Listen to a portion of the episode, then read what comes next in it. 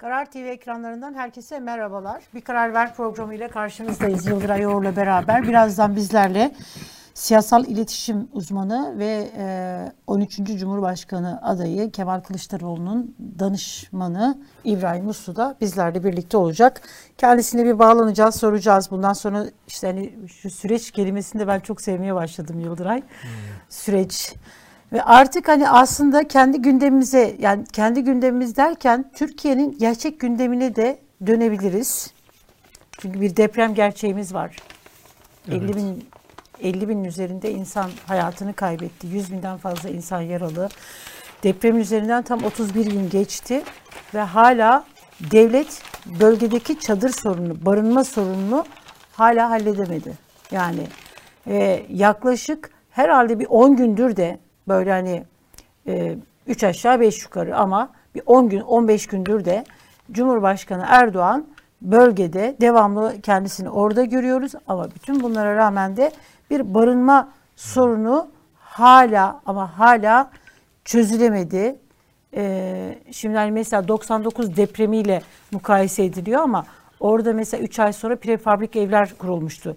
Barınma sorunu çözülmüştü, konteynerler şey yapılmıştı. Bugün de e, sayı aynı olmayabilir ama devlet buna hazırlıklı olmalıydı. E, bu sorun hala yani bugün prefabrik evleri hiç konuşmuyoruz. Konteyner 600 bin konteyner ihtiyaç varmış Yıldıray. Hı hı. Yani bu, bunlar hala böyle hani çözülebilmiş değil. Ama lafa gelince böyle büyük devlet, güçlü devlet, bir olacağız, iri olacağız. Herkes bizi kıskanıyor ama işte yani durumda böyle. Eee şu siyaset ne tuhaf değil mi Yıldıray? Evet her şeyi Şimdi, örtüyor değil mi böyle? Her şeyi örtüyor da benim tuhafıma giden şurada bir şeydeydi. Aa, Milliyet Gazetesi'nde miydi acaba? Orada bir bakabilir misin? Ben orada bir şey görmüştüm bugün. Ha burada. Şimdi şeyi konuşacağız. Meral Akşener dün Haber Türkiye çıktı. Ee, Kemal Kılıçdaroğlu dün inanılmaz duygusal bir konuşma yaptı. Böyle hani tek tek teşekkürler etti. Bunların hepsini konuşacağız. Bunlar bizim gündemimizde. Niye konuşacağız? Mesela bunlar özellikle iktidar medyasında yok. Bunlardan bunlar böyle medyada gündeme gelmiyor. Ama bana tuhaf gelen Yıldıray şu oldu. Şimdi Devlet Bahçeli altılı masada bir kriz yaşandı. Altılı masada yaşanan kriz. E, Meral, Meral Akşener de Cuma günü e, 3 Mart günü 3 Mart mıydı Cuma? 3 Mart'ta açıklama yaptı. Evet. 3 Mart'ta açıklama yaptı. Tarihleri böyle şey yapıyorum. 3 Mart'ta da e, İyi Parti'nin de tabii siyasi tarihine geçecek böyle. E, altılı masa ve işte hani bugünler konuşulduğu zaman bu da böyle kendi siyasi tarihimize de, Türkiye'nin siyasi tarihine de geçecek e, hani sertlik bile değil hani onun çok ötesinde böyle bir konuşma yaptı. Ee, orada da böyle tabii ki yani e, biraz böyle hani masayı itham altında bırakan yol arkadaşları hepsi birbirinin yol arkadaşı. Çünkü Kemal Kılıçdaroğlu da yol arkadaşım diyor. Altılı masa bir şey yaptı. Dün Meral Akşener dedi ki 16'dan fazla 16 tane toplantı yapmış olabiliriz. 16 kez demek ki bir bir araya geldiler. Bunlar bizim bildiklerimiz. Bir de ikili ikili görüşmeler oldu. Birbirlerini çok iyi tanıdılar, ettiler. Ee, yemekler yediler, çaylar içtiler, hoş beş sohbet yaptılar. Belki özel böyle hani kişisel hikaye şeylerini paylaştılar.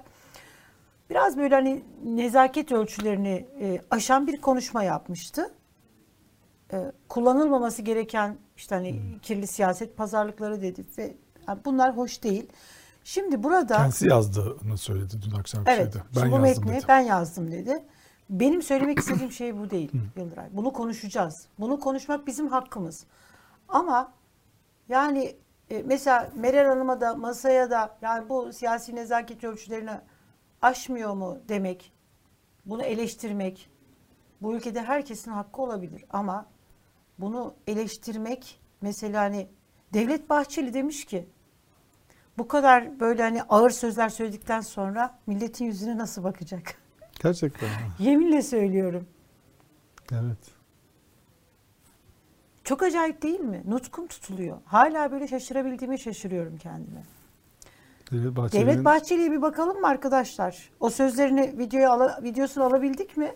Sadece sözlü olarak mı? Var. Tamam hadi bakalım. Geçmişte demiştim, yine söylüyorum. Bir kere satan yine satar, yine satar, yine satacaktır. Gidişata göre renk değiştirerek girecekleri şekil olmayan ilkesizlikler yokken biz yine vardık, var olacağız ve milletimizin kalbinde bulunacağız.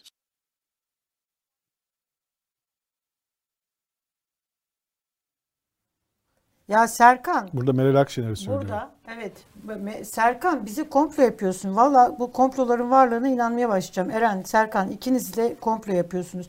Bu değil. Mere şey Devlet Bahçeli diyor ki bak bir böyle şey de e, ortaya çıkıyor. Diyor ki söylediği sözlerin altından nasıl kalkacak? Milletin yüzüne utanmadan nasıl bakacak? Yani o söylediği cümlenin bir cümle ötesi vardı, öncesi vardı. Neyse tamam şimdi Mere- Yani Devlet Devlet, Bahçeli, Bahçeli nasıl yaptıysa öyle yapar. Böyle bir cevap, basit bir cevap var bunun. Bunu söylemek istiyoruz değil mi? Evet. Şimdi şeye Yani Meral- bakalım Devlet mı? Bahçeli'nin e, Cumhurbaşkanı Erdoğan'la ilgili söylediği sözlerden daha ağır değil. Devlet, bakalım Meral. Akşener'in söylediği yani sözler. neler söylediler? Devlet Bahçeli ile eğer bu ülkede siyasi nezaketsizlik böyle çok vahim duruma geldiyse, çok Evet. vahim duruma Onları herkes, geldiyse, o Devlet Bahçeli'nin Erdoğan'la ilgili sözlerini mi hatırlatacaksın? ya, hepimiz biliyoruz ama bir Biliyorum, kere evet. daha hatırlatalım yani. Evet. Bunda bir mahsur yok. Şimdi yani e, eğer bir seviyede düşüklük varsa bir Yani böyle O kadar yani sadece şunu sadece şu videoyu göstersek yeterli. Cumhurbaşkanı Erdoğan bir gün e, mecliste dedi ki Devlet Bahçeli'nin yüzüne bakarak ben dedi Rütük'ten dedi isteyeceğim. Devlet Bahçeli televizyona çıktığında Ha. E, şey çocukları uzak tutma uyarısı yapılsın dedi. milletime de yalvarıyorum dedi. Evet. Bunu yani bu kadar yani böyle konuşmalardı yani bunlar. Bak bir kere de söylemedi. Ee, Cumhurbaşkanı Erdoğan'ın başbakanlığı döneminde ve Cumhurbaşkanlığı olduktan 2014'ten sonra da Devlet Bahçeli ile alakalı RİTÜ'yü iki kez çağrıda bulundu. Milletine de milletim işte vatandaşlarıma da rica ediyorum anne babalara diye. Üç kez de anne babalardan ricası var Erdoğan'ın. Dedi ki bu o kadar dedi ağzı bozuk konuşuyor, o kadar ağır şeyler söylüyor ki lütfen dedi çocuklarımızın ruh sağlığını düşünelim. Şey tutalım. Neler söyledi? Erdoğan gerçi hani bunu söyledi ama Erdoğan Devlet Bahçeli'ye zürriyetsiz dedi. Arsız dedi, ahlaksız dedi. Ondan sonra iblislikle suçladılar birbirini. Çok ağır yani burada benim hani burada tekrar böyle hani kullanamayacağım. Allah'tan hani televizyon değil YouTube'da büyükler izliyor. Ama birbirlerine neler söylediler neler. Yani bir hakaret bir böyle şey varsa e, vatana ihanetle suçladılar birbirlerini. Vatan düşmanlığıyla suçladılar. Sonra da biz yerliyiz milliyiz deyip gayet güzel böyle hani temennalarda bulunuyorlar. Evet. E, Meral Akşener bunların hiçbirisini söylemedi ki. Devlet Bahçeli'nin e, Erdoğan için söylediklerinin onda birini söylemedi. Yani iş, tamam sert konuştu, şey yaptı ama böyle bir şey söylemedi. Altılı Masa'da Erdoğan'ın Devlet Bahçeli için söylediklerini söylemedi. Yani biz eleştiririz de Sayın Bahçeli'ye ne oluyor ben anlayamadım gerçekten Yıldıray. Çok tuhaf. Yani on- on- her hafta böyle olmuyor mu zaten? Her hafta bir tuhaflık olmuyor mu? Yani daha Ya. şeyi savundu ya. Konuştuk ya yani Bursa Spor tribünlerine selam gönderdi. Artık hani bence orada e, artık sınırlar bayağı aşılmış durumda zaten yani. Hafızasızlığa da güveniyorlar. Toplumun hafızasızlığına da. E, Özkan Şimşek, başkalarının yanlışları Akşener'in yanlışlarını aklamaz Elif Hanım demiş. Ya ben bu ya Özkan Bey Allah rızası için ya vallahi ben burada şimdi saçım başımı yolacağım. Yani ben şimdi e, Devlet Bahçeli böyle söyledi deyip Meral Akşener'in yanlışını aklamaya mı çalıştım? Dedim ki bak cümle cümle söylüyorum tane tane anlatıyorum. Dedim ki bunu biz eleştirebiliriz. Eleştirdik de dün de eleştirdik. Yani e, bu hani konuşma bir kere siyasi intihar bu hani uygun değil. Derdini daha iyi anlatabilirdi. Ondan sonra biz bunu asla savunmadık. Ben de şey yapmıyorum. Fakat bir şey söyledim. Diyorum ki Devlet Bahçeli bunu en son söyleyecek kişi. Yani eğer bundan bahsediyorsa bir kere kendisine bir bakması gerekiyor. Yani biz eleştiririz de onun bunu söyleme hakkı yok. Bunu söylemeye çalıştım ben. Ee, evet. Dün akşam Meral Akşener şeydeydi. Cumhurbaşkanı yardımcısı olacağını söyledi. Milletvekili adayı olmayacağını söyledi. Çünkü neden böyle bir şey söyledi? Böyle bir dün akşama kadar böyle, Böyle bir beklenti vardı. Evet böyle bir haberler çıktı. Böyle açık Kulisler çıktı. İyi Parti'ye dayandırılarak. Evet. Ama yani sonuçta imza atmıştı zaten o metne. Yani o metne bir daha imza attıktan sonra dönmesi şey değil. Zaten bunu da açıkladı. Ee, bence çok şeydi. Meral Akşener'in dünkü e, konuşmasında e, yani o konuşmayı tabii kendisinin yaptığını söyleyerek kendisi sahiplendi. Ee, biraz hani partiyi dışında tuttu. Yani bu bir çeşit herhalde öz eleştiri gibi yani. Hani ben yaptım bunu net olmak istediğim gibi bir şey söyledi ama hani konuşmanın şimdi televizyonlarda da bazı arkadaşlar da o konuşmayı bile savundular. Yani Meral Akşener de kendi konuşması o kadar memnun gibi değildi yani. Hani bir, bir tür e, onun pek de doğru olmadığını farkında bir tonda konuştu. E, o önemliydi. Bir de e, yani ittifak için söylediği şeyler, ittifak vurguları e, bunlar çok şeydi. Çok güçlü vurgular yaptı. E, bence ilk defa mesela HDP ile ilgili olan meselede çok e, şu ana kadarki çizgisinin çok üstünde bir yere taşıdı çıtayı. Yani mesela şeyi hatırlattı. Ben onu hatırlamıyordum ama gerçekten de öyle bir şey olmuştu. Neyi? Ee, 2014'teki Cumhurbaşkanlığı seçiminde e, MHP ve CHP'nin ortak evet. adayı olan Ekmelettin İhsanoğlu'nun Selahattin Demirtaş'a bağış yaptığını hatırlattı. Yani o zamanlar bu ilişkiler oluyordu da şimdi mi olmuyor? Hani MHP bunu söyledi. Biz de hiçbir partinin e, kimle görüşmesi gerektiğine şey yapmıyoruz. E, Buna biz şey, her tabii ki görüşebilir partiler. Hani o HDP ile şeyin e, Kılıçdaroğlu'nun görüşmesinden onun bir rahatsızlık olma, rahatsızlık duymayacağını da söylemiş oldu. Bunlar önemliydi. Şey de önemliydi. E, Mithat hocam dedi mesela Mithat Hoca dedi. Mesela Evet. Mithat Sancar'dan bahsederken. E, Böyle çok o konularda bence çok e, bir açılım yaptı aslında. Yani Aslında O- çok ilkesel bir tavır koydu. Evet. Dedi ki biz parti olarak partilerin kimle ilişkisi nasıl ayrı yani herkes ayrı bir parti. Bir kere masada eee, şeyi söyledi yani hepimiz eee, farklı siyasi görüşleri olan, farklı ideolojileri olan partiyiz. Dün biz bunu söylemiştik burada. Ahmet Davutoğlu'nun da politik yolda yazdığı bir yazı vardı. O, Evet. o yazı çok kıymetli bir yazı. evet, çok, arada böyle kaynadı o. arada kaynadı. Ama çok iyi bir yazı. çok iyi anlatıyor Evet. ittifak. Orada e, mesela şeyini. biz farklı farklı kültürlerin, farklı farklı ideolojileri savunan işte altı parti bir araya geldik. Ee, hani aynı ses, aynı şey değiliz. Ses şeyler çıkabilir ama bunu koruyacağız diyen çok güzel bir yazıydı. Dün Meral Akşener de buna vurgu yaptı. Burada hani böyle masaya döndü de bak geri adım atıyor, HDP'yi kabulleniyor filan gibi bir şey değil.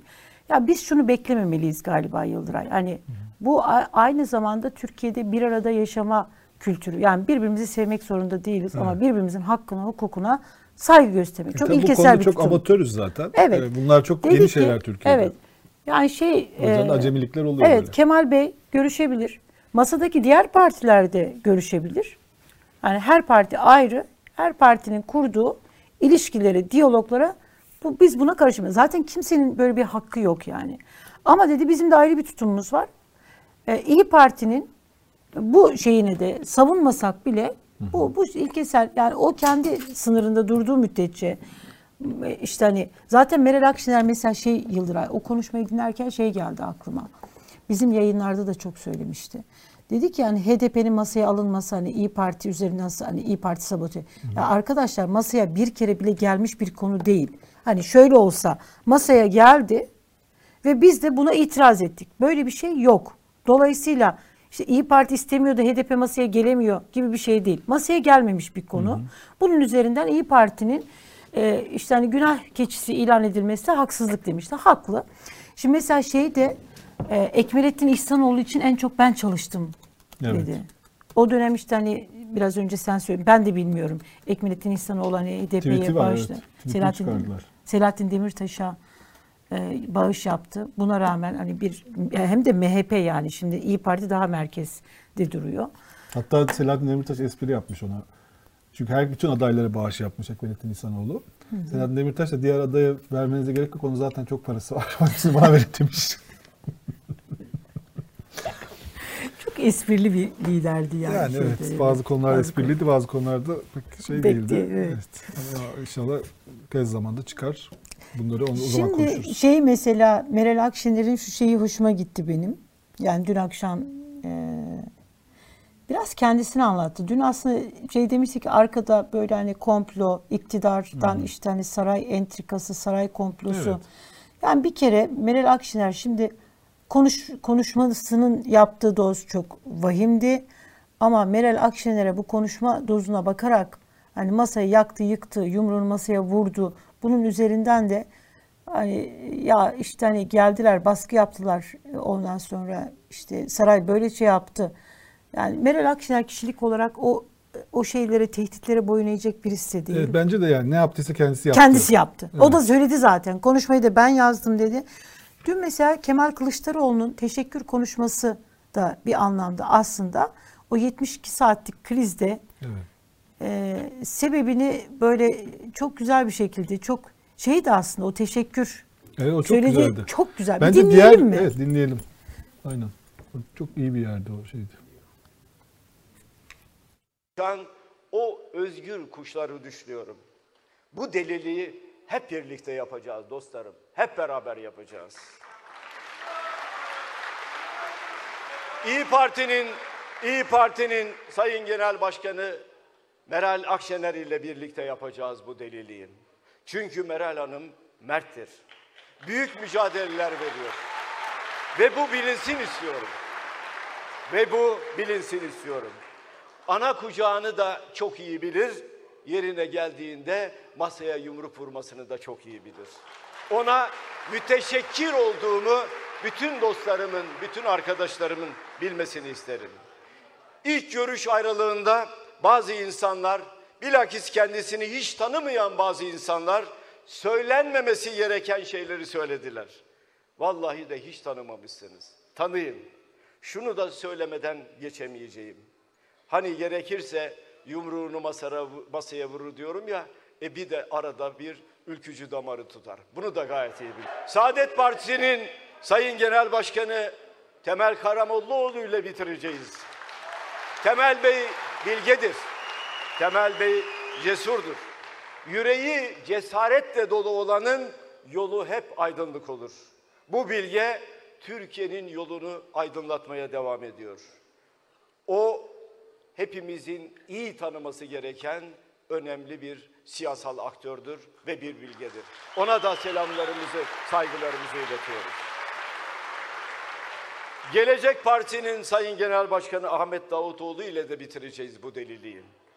Ahmet Bey'in gerçekten de güçlü bir entelektüel birikimi var. O bu süreci toparlayanların başında gelir. Yeniden yolumuza döndük. Günlerdir uyumuyor bu lider. Bilin istiyorum Allah aşkına onu da yakından tanıyın. O da çorbada tuzu olan çok değerli bir insan. Deva Partisi'nin genel başkanı Ali Babacan, Ali Babacan ile bitireceğiz. Bu genç liderle Türkiye'nin perişanlığına son vereceğiz. Onunla da bu ülke için alın terini beraber dökeceğiz. Bilin istiyorum. Onu da tanıyın istiyorum. Demokrat Parti Genel Başkanı Gültekin Bey ile de bu deliliğe son vereceğiz. Menderes ve Demirel'in gençleri, gençliği vardır. Onun yüzünde de yüreğinde de. Yürür karanlığın üstüne bilin istiyorum. Yürekli, cesur ve genç bir liderdir.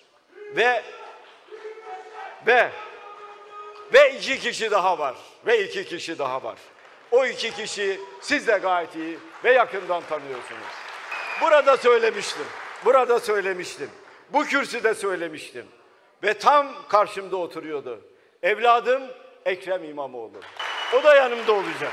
Yıllardır çokça omuz omuza verdiğimiz, birbirimizi kollayıp koruduğumuz, en zor zamanlarda birbirimizden güç aldığımız dostum Mansur Yavaş. O da buradadır. Evet. Şimdi bu aslında İltifatta da cömert olmak lazım yani. Çok bu da hoş bir Türkiye'de Evet. çok görülmeyen bir şey. Liderler birbirlerini çok övmezler. Aman hani onun herhalde böyle bir tür şey yaparlar. Kemal Kılıçdaroğlu bu konuda e, cömert davranıyor. Bu bunu afişe birazdan sonra gelelim. Onunla ilgili söyleyeceğim bir şey var benim. Evet, birazdan arkadaşlar. Şimdi burada bu teşekkür konuşmasının e, şeyleri de var. E, aslında bir altyapısı, bir şey var, arka planı var. O da şu, e, ben yani dün işte Meral Akşener dedi ki kendisi, evet, dün hatırlarsan dedim ki yani ülkücü damardan yetiştiği kültür, kod, onu birazcık daha böyle sert. Bir de Meral Akşener e, gerçekten duygusal birisi.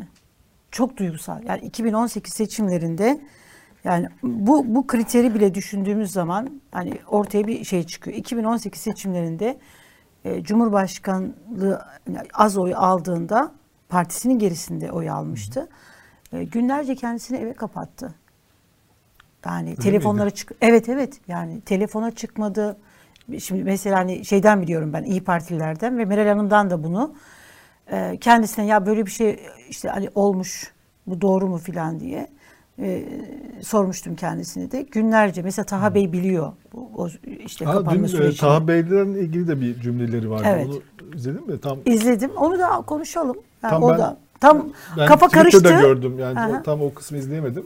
Kafa karıştırdı onu anlatırım ben. Yani o o Taha başka bir şey. Taha Bey'in abisinin arkadaşı olduğunu söyledi. Benim Tabii, tabii. dedi. Onları Tabii. anlattı.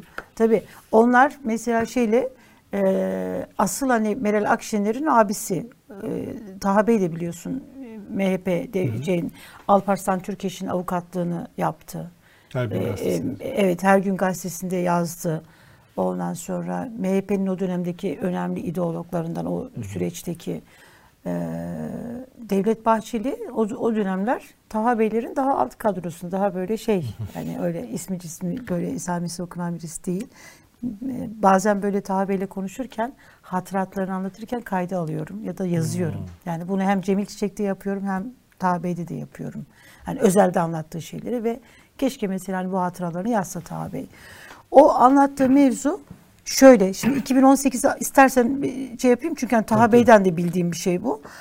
Ee, eve kapattı ki kapatıyor kendisini. Yavuz Ağralioğlu işte o dönemki iyi partiler yalvarıyorlar. O şeyi duygusal bir süreç yaşıyor ve e, haftalarca Meral Akşener'i İyi Parti Genel Başkanlığı'na tekrar ikna e- etmek için yalvardı İyi Partililer. Evin önünde gittiler, nöbet tuttular, şeyler yaptılar filan. Böyle bir duygusal tarafı var. Dün aslında hani benim anlatmaya çalıştığım şey de oydu Yıldıray. Hani duygusal, duygusal bir şey var. O masada tek bir suçlu yok. O masada hani böyle bir şey olduysa, masa birazcık böyle bir ara vermiş olduysa bu masada herkes hani e, şey Meral Hanım da o duygusal ve ülkücü damardan gelmesi birazcık böyle hani sert ve biraz böyle hani nerede duracağını bilmeyen bir konuşma yaptı. Ama çok şükür hani dönüldü. Masa tekrar kaldıkları yerden devam ediyor. Ee, ben Kemal Kılıçdaroğlu'nun bu teşekkür konuşmasında liderlerin de birbirlerini artık kişilik, karakter olarak yakından tanıdıkları hissiyatına kapıldım. Diyor ki hani ülkücü bir damarı var, bir anne şefkat şeyi var, bir abla damarı var, dominant bir kişilik. İşte masaya yumruğunda vurur, evet öyle ama bir taraftan hani başka bir şey böyle hani bir şefkatle kucaklarda. Ee, bunu söyledi. Ahmet Davutoğlu ile alakalı hani derleyici, toparlayıcı dedi. O onun şeyi şu. Şimdi mesela bu dedi ya bütün liderler herkes ces- cesaret cesur insanlar dedi. E, o perşembe akşamı Ahmet Davutoğlu'nun bir konuşması var. Meral Akşener e, hani madem beş lider siz imzalıyorsanız ben kalkayım. Demek ki ben yalnızmışım burada. Dediğinde bir yalnızlık duygusuna kapılıyor Meral Akşener. Perşembe akşamı. Bunun üzerine e, Ahmet Davutoğlu diyor ki Meral Hanım işte e, Ali Babacan durduruyor, oturtturuyor. Sonra o gecenin Perşembe gecesinin iki şeyi var, kahramanı var. Yani e, Ahmet Davutoğlu ve Ali Babacan. Ahmet Davutoğlu bir konuşma yapıyor. Diyor ki ya diyor bu masayı dağıtmaya kimsenin hakkı yok. Bu kadar diyor cesur. Temel Bey diyor. İlk ittifakın adımları yani bu ülkenin iki diyor sinir ucu. Bir işte dindar kesim, iki seküler işte hani şey kesim, dahi kesim. CHP ve Saadet Partisi kuruyor aslında değil mi? Tabii İttifak tabii ilk ilk başta. ittifak onlar şeyi hatırlasana. Devlet şey e, Kemal Kılıçdaroğlu şeye gitmişti. E, Orada da aday Abdullah Gül'dü. Erbakan'ı Er yok yok hayır onun öncesinde Erbakan'ı anma Anma törenine gitti, evet. gitti. O törene gittiğinde mesela Cumhuriyet Gazetesi e, şeyi kaldırdı o dönem Cumhuriyet Gazetesi'ndeki bazı yazar, Sözcü Gazetesi'ndeki Evet. bazı yazarlar tencere tava kaldırdılar. Size oy vermeyeceğiz diye. Ben şey hatırlıyorum Bülent Tezcan o dönemde çok aktör isimlerden birisiydi. De, e, uçakta söylüyor Bülent Tezcan'a. Diyor ki işte hazırlanın diyor bu akşam şeye gideceğiz hani bu, bu akşam işte e, Erbakan'ı anma törenine gideceğiz deyince Bülent Tezcan e, şaşırıyor diyor ki efendim diyor anlamadım. E, Erbakan'ın diyor anma şeyine gideceğiz. Ondan sonra bunu anlatıyor. Şimdi Bülent Tezcan o dönemde CNN Türk ekranlarında anlattı gelen tepkileri ama bunun çok doğru olduğunu. Hatta ikinci bir konuşmasında şeyi söyledi. Er, e, Temel Karamoğlu ile alakalı yanlış bildiğimiz şeyler hani e, şeyleri biz düzelttik. Aslında Temel Bey'i tanıdık filan diye. O dönem hatırla e, Saadet Partisi ile CHP bir araya geldi diye Temel Bey camiden kovulma şeyine geldi. Yani camide yuhalanıyordu. Ahmet Davutoğlu o perşembe akşamki konuşmada diyor ki Temel Bey camiden yuhalandı. Bu kolay bir birliktelik değildi. Ama bunu başarabildi. Bu masada oturuyor, bu cesaretle oturuyor. Kemal Bey için diyor ki biz diyor mecliste defalarca karşı karşıya geldik. Fakat diyor o çok önemli bir şey yaptı. Toplumun işte o iki sınır ucundaki laik işte hani seküler o toplumu kutuplaşmayı şey yaptı ve uzlaştırdı. Bir araya geldi. O da işte hani şeyden tepki gördü. Ali Babacan'ın söylüyor kendisi. Mesela kendisiyle alakalı Meral Akşener'le alakalı diyor ki Meral Hanım siz az cesaret göstermediniz. Biz partimize kendimiz diyor böyle hani tepki koyamadığımız şeyler oldu. Ama siz bunu başardınız, yaptınız ve büyük bir cesaret örneği gösterdiniz. Bu be- altı partinin bir araya gelmesi o kadar da kolay değildi. Sahalarda bize itiraz edildi ama biz buna rağmen bu birlikteliği koruduk. Şimdi bunu dağıtamayız diyor ve sakinliği. Olağanüstü güzel bir konuşma yapıyor orada. Yani orada derleyici toparlayıcı dediği şey Ama konuşma Bu. sonuçta işe yaramamış. Sonra Yok, gidip Meral hayır. açıklamayı yaptı. doğru ama o kadar duygusal tepki. İşe yaramamış diyemeyiz. Yani o anda imza O anda atıldı. duygusal, evet. Yemek yendi sonra gitti o konuşmayı Mesela işte dün de e, e, pazartesi akşamı da hani böyle bir kalkma şeyi oldu. Orada da işte Deva Partisi ile İyi Parti arasında Demokrat Parti itiraz ediyor. Orada da hani mesela yine Davutoğlu'nun Evet, orada o 12. Davutoğlu. maddeyi yazması. O yazıyor, evet. o yazıyor. Ondan sonra formül bulunuyor. Hayır, Nereye gidiyorsunuz diye elinden tutuyor. şey ama Evet. yani sonuçta Olur böyle şeyler Yıldıray. Yani ama bunlar hani bunlar mesela yazılacak. Bunlar arka planlar konuşacağız ortaya tabii tabii, bunları. konuşacağız Olur. bunları. Evet. Yani zaten yazdık, konuştuk yeterince. Evet. Ee, O delilik demesi bu deliliği bitireceğiz. Bir delilikten Evet. bahsediyor. Evet. Hem bir deliliği bitirecek Bence hem iltifat kısımları şey yani o hoş belki yani o Türkiye'de çok fazla olan bir şey değil. Yani çok fazla hani diğer romantik kısımlar bence o kadar şey değil de. Bu arada bir CHP'nin afişi var. Kılıçdaroğlu yani CHP'nin bilmiyoruz tam olarak bir afiş var. O afişi göster ha tamam. Şimdi bu afişte işte çeşitli arkasına Kılıçdaroğlu'nun arkasına çeşitli e, dönemin önemli yüzleri, olayları e, konmuş. İşte e, Ali İsmail Korkmaz var, Enes Kara var bu bir yurtta e, hayatını kaybeden intihar eden. Şu şey herhalde bir 28 Şubat mağdur öğretmeni ziyaret etmişti o Evet herhalde. o var. İşte bir travesti öldürülen bir şey var. O var. Neyse hani onlar var tamam güzel. Ee, fakat bir tam kolunun altında e, andımız var. Orada e, e, yani ka- şeyde okullardan kaldırılan andımız var. E, yani Millet İttifakı'nın e, böyle bir vaadi yok değil mi? Andımızı geri getirmek diye. Partilerin var. Ortak bir vaat yok. Ee, e, HDP'nin de desteği isteniyor herhalde. Önemli o destekte. Kürt seçmenlerine desteği isteniyor. Ee, Deva Partisi'nin bu konuda Gelecek Partisi'nin herhalde Saadet Partisi'ni bilmiyorum ama en azından Deva ve Gelecek Partileri bu konularda bu konuda andığımız konusunda net bir tavırları var. Yani artık bu kampanya ile ilgili herhalde bir görseller ve şeyler yapılacaksa, sözler, vaatler yapılacaksa artık bunun e, bütün bu partilerin herhalde ortaya da bunun insanlar o zaman bu böyle bir vaadim var zaman Millet İttifakı'nın. Yani andımızı mı geri getirecekler diye düşünürler. O yüzden de böyle bir e, bu tarz herhalde görsellerin o da e, oradaki uzlaşmanın sınırlar içerisinde kalması gerekiyor. Evet. Yani bunlara çok dikkat etmeleri lazım. E, çünkü bu çok yani altı partinin e, bir arada yürüteceği bir kampanya hiç Türkiye'de olmadı. Eşit düzeyde altı parti. O yüzden de e, her an bir yerden patlama da olabilir. Yani ideolojik herkesin çeşitli ideolojik tercihleri var. o ideolojilerin e, o ittifak sınırları içerisinde ne, ne de anlaştılarsa o sınırlar içerisinde kalması önemli. Yoksa e, oradan sorunlar çıkabilir. Bunu o afişi görünce e, hemen gözüme orası çarptı. Başka insanların da gözüne çarpmış e, o kısım. Evet, izleyicilerimizden Yani CHP tek başına var. iktidar olursa ya da İyi Parti tek başına iktidar olsa bunu yapabilir ama ittifak içerisinde ve HDP desteğiyle bunu yapacaklarsa yap ancak öyle yapabilirler. Bunu yapamazlar şu anda. Evet.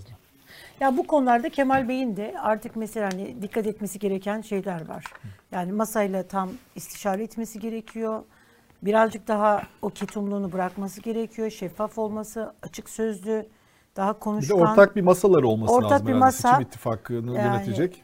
E, altı parti var orada. E, aday Kemal Kılıçdaroğlu olabilir ama altı isim var. Kendisi de dahil.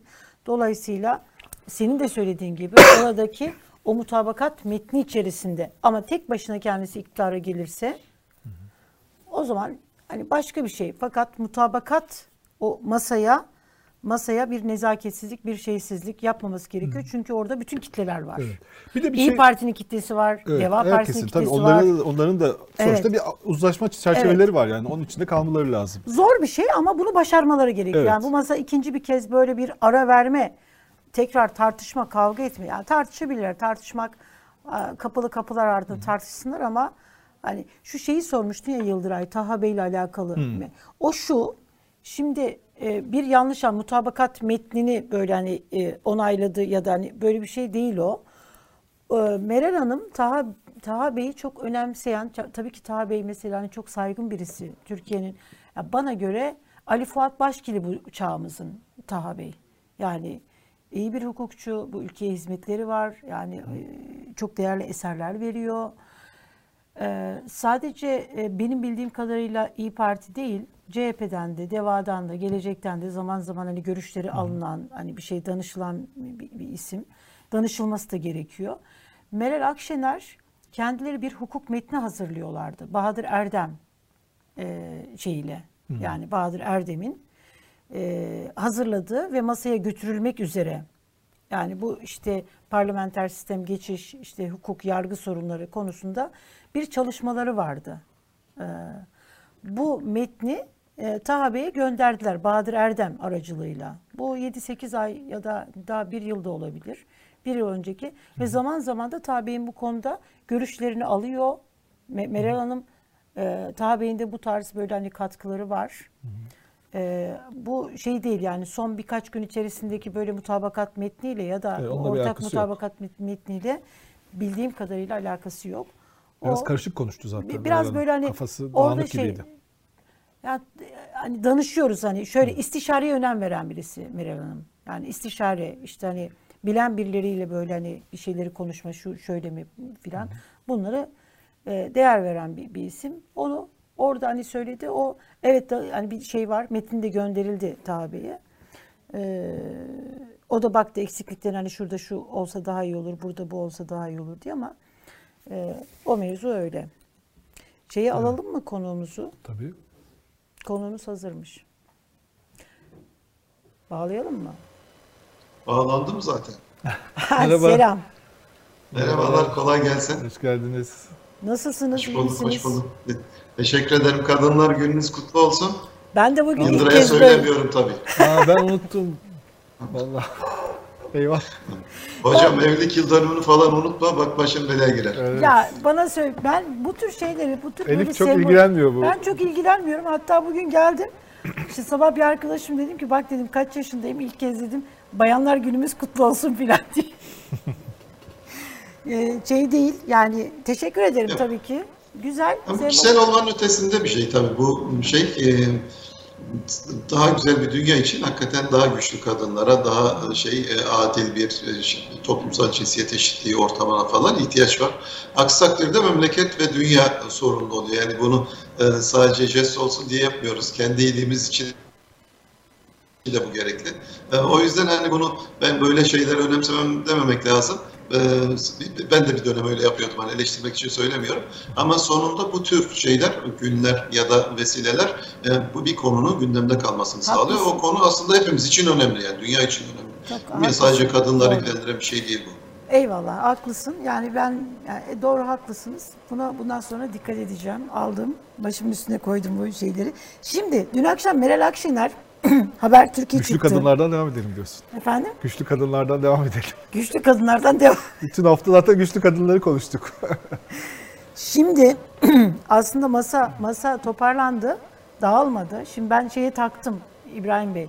Mesela hani masa diyor dağıldı ısrarla e, Erdoğan'ın da böyle bir şeyi var. O masa dağıldı, daha toparlanma. Ya masa dağılmadı.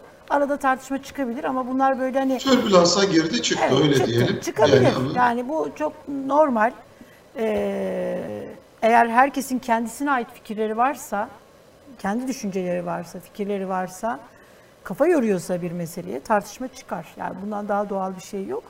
Ee, önemli olan hani kavga etmeyi, kavga etmenin kültürünü bilmek, kavga etmeyi bilirseniz nedir kavga etmek? Barışmayı da bilirsin yani. Bunu sağlayabilmek çok önemli. Şimdi Meral Akşener çıktı. Yani dün Habertürk'teydi. Bir hani konuşmasını nasıl değerlendirdiniz? Bunu soracağım.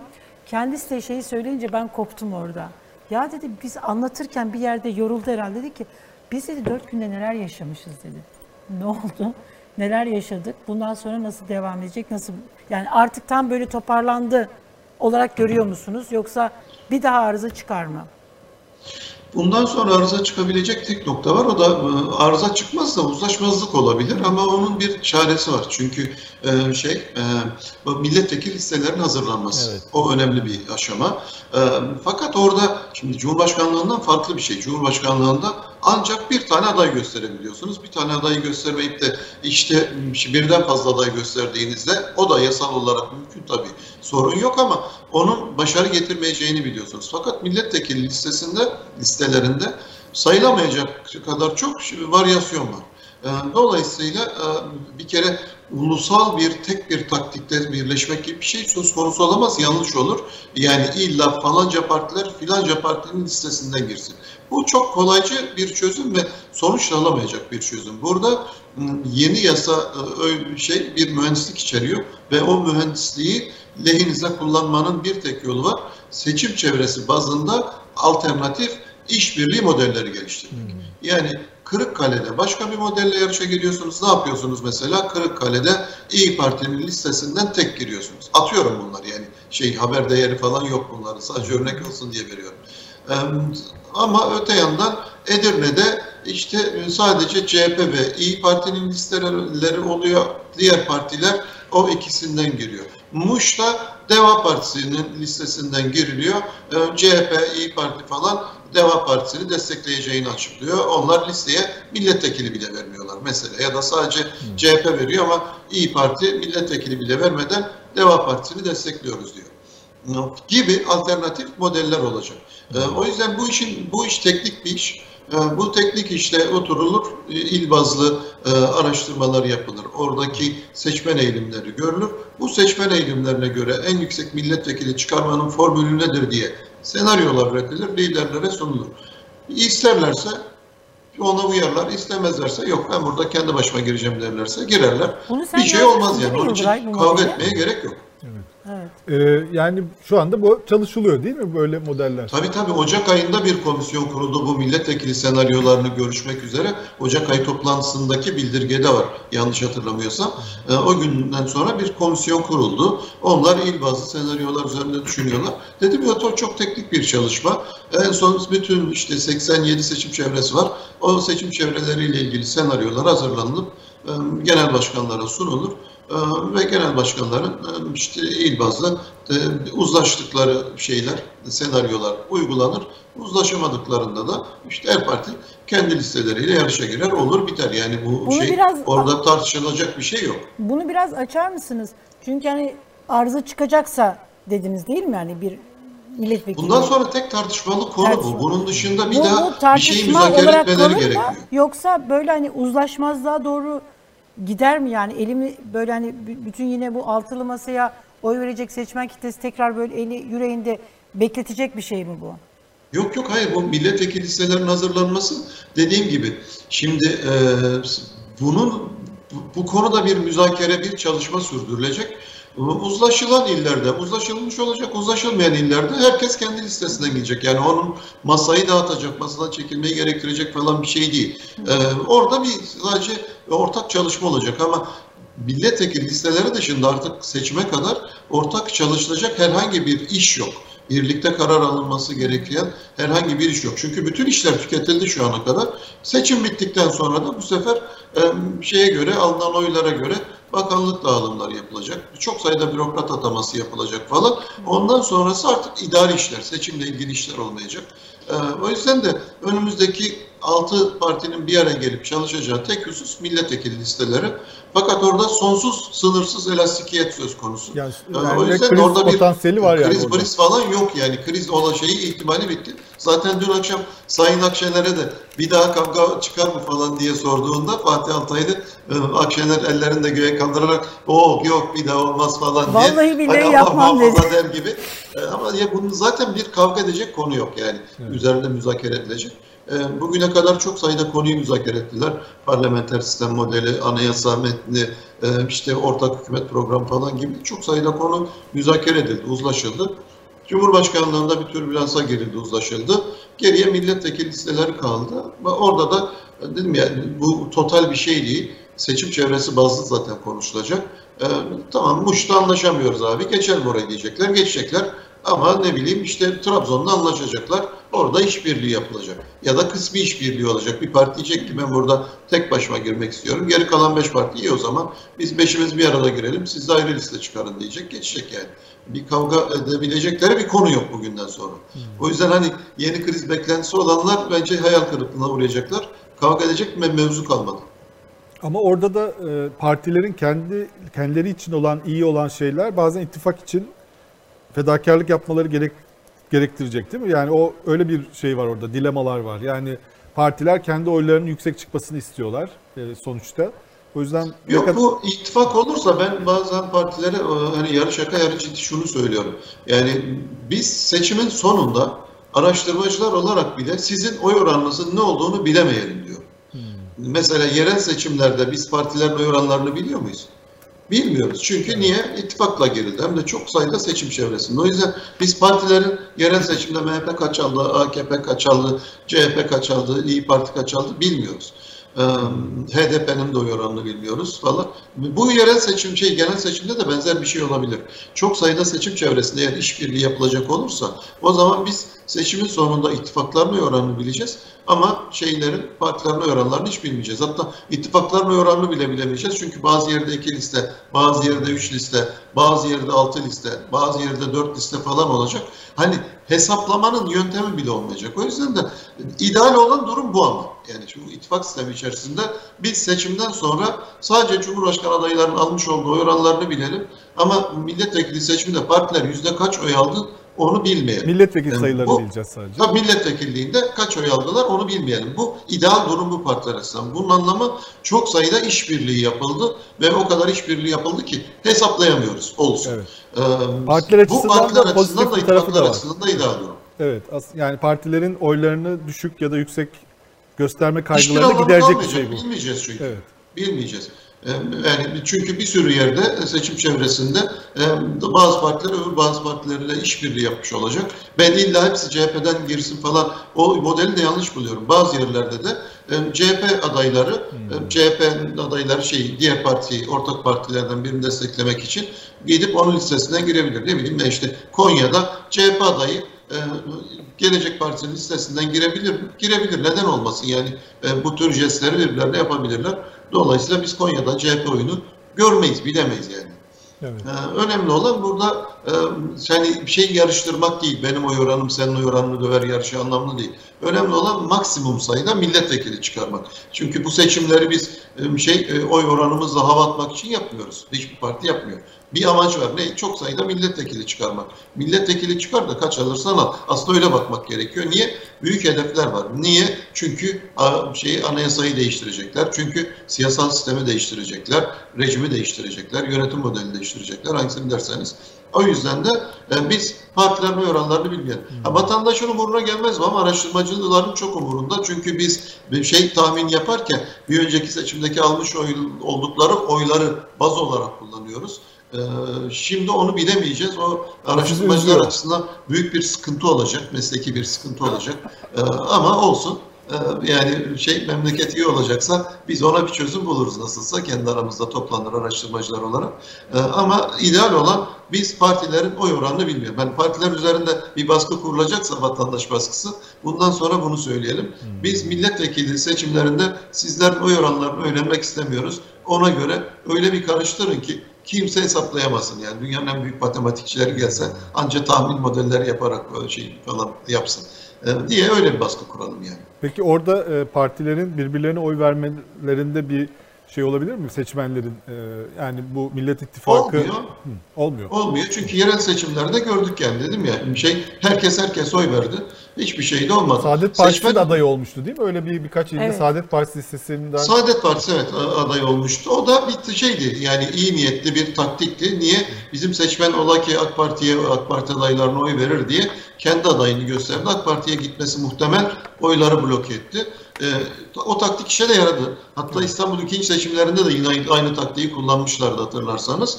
O ama çok iyi niyetli bir çabaydı. Yani tırnak içerisinde bölücülük yapmak için yapmadı onu Saadet Partisi. Orada e, işte zaten strateji dediğiniz bu. Yani sizler birleşin ben çıkarayım oraya gidecek oyları da bloke edelim. Siz de alacağınız oyları alın falan şeklinde güzel bir strateji uygulandı. Neticede alındı. Ama bu şey e, bazı yerlerde tartışmalar yaşandı. Biliyorsunuz İyi Partili adayları e, HDP seçmenleri desteklemeyince Balıkesir. 3 tane büyükşehir belediyesi e, AK Parti ya da işte Cumhur İttifakı tarafından alındı. Üstüne üstlük çok büyük iller Balıkesir, Manisa, Denizli gibi Türkiye'nin en önemli, en önemli illeri e, kazanılabilecekken kaybedildi. Şimdi o yüzden hani burada parti taassubuyla falan hareket etmenin hiçbir anlamı yok. Burada önemli olan ittifakın toplamda e, ne kadar çok milletvekili çıkarabileceği. E, o yüzden de maksimum sayıda milletvekili, bu, bu tamamen teknik bir çalışma. Yani parti kurumsal taassuplarıyla, ideolojik e, aidiyetlerle falan yapılacak bir iş değil. E, şey e, tamamen istatistiklere, araştırmalara, verilere bakıp teknik bir analiz yapıp burada en yüksek milletvekili e, çıkarmanın senaryosu budur deyip o senaryoyla e, şeye seçime gitmek. İdeal model bu. Tabii her tarafta yapamazlar. E, anlaşılabilir bir şey. Ama buradan bir kavga çıkmaz. Bu bir teknik çalışma dediğim gibi. Evet. Şimdi ben şeyi merak ettim. Ee, yeni bir formül bulundu. Yani ben bu formülün çok güzel bir hani şey olduğunu düşündüm. Yani kenarda köşede böyle e, işte Mansur Yavaş'ı isteyen oylar da gelecek. E, Ekrem İmamoğlu işin içinde olsun diyen oylar da gelecek. Dışarıda hiç böyle e, muhalif seçmenler açısından e, artık böyle hani mırın kırın o olur bu diyen hiç kimse kalmayacak. Bütün oyları derleyip toparlayıp kenar köşeyi toparlayacak bir formülle döndü Meral Akşener. E, böyle bakıldığı zaman da ya hani bu kavga, bu tartışma hayra da vesile oldu gibi. Yani o işte hani sadece 3 Mart'taki konuşma hariç yani o, onun dozu e, birazcık daha böyle hani makul olsaydı e, ama bir, bir yerden baktığınız zaman da yani bir e, şer böyle hayra dönüştü. E, peki bu formül e, mecliste Kemal Kılıçdaroğlu'na seçimi kazandırır. Cumhurbaşkanı adayı yapar. Mecliste çoğunluk sağlayabilir mi Millet İttifakı? Çünkü Millet İttifakı tek başına çoğunluk sağlayamasa bile bu dahil olduğu büyük Grand Koalisyon sayesinde zaten e, benim gördüğüm e, 360'a ulaşması bile sürpriz olmaz. Yani e, Emek ve Özgürlük İttifakı'nı falan da dahil ettiğinizde e, şeyin e, şu anki Cumhurbaşkanlığı seçiminde oluşan o Grand Koalisyon'un mecliste 360'a ulaşma olasılığı var.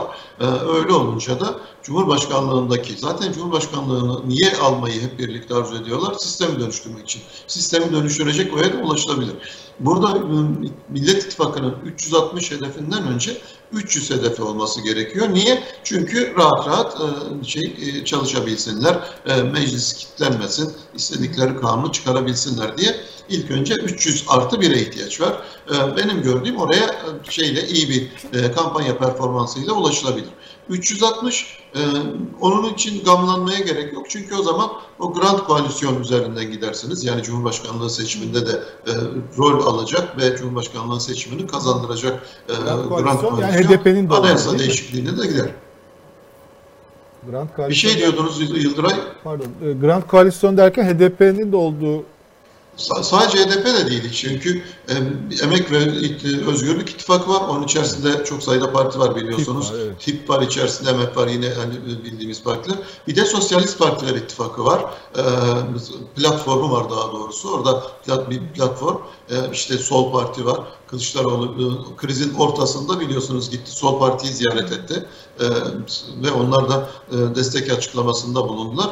Dolayısıyla hani şeyi aşağı sadece Millet İttifakı'nı aşan büyük bir e, siyasal ittifak söz konusu. Onu ben işte büyük koalisyon diyorum.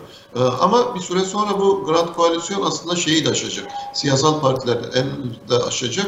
E, belki seçime girmeyecek siyasal partilerden de destek mesajları gelecek. Sendikalardan, işçi örgütlerinden, işveren örgütlerinden, esnaf örgütlerinden, kadın örgütlerinden, Dünya Kadınlar Günü bugün ve çok sayıda kadın örgütü biliyorsunuz bu e, iktidarın şu İstanbul Sözleşmesi ve e, toplumsal cinsiyet eşitliği anlamındaki politikalarında çok mutsuzlar.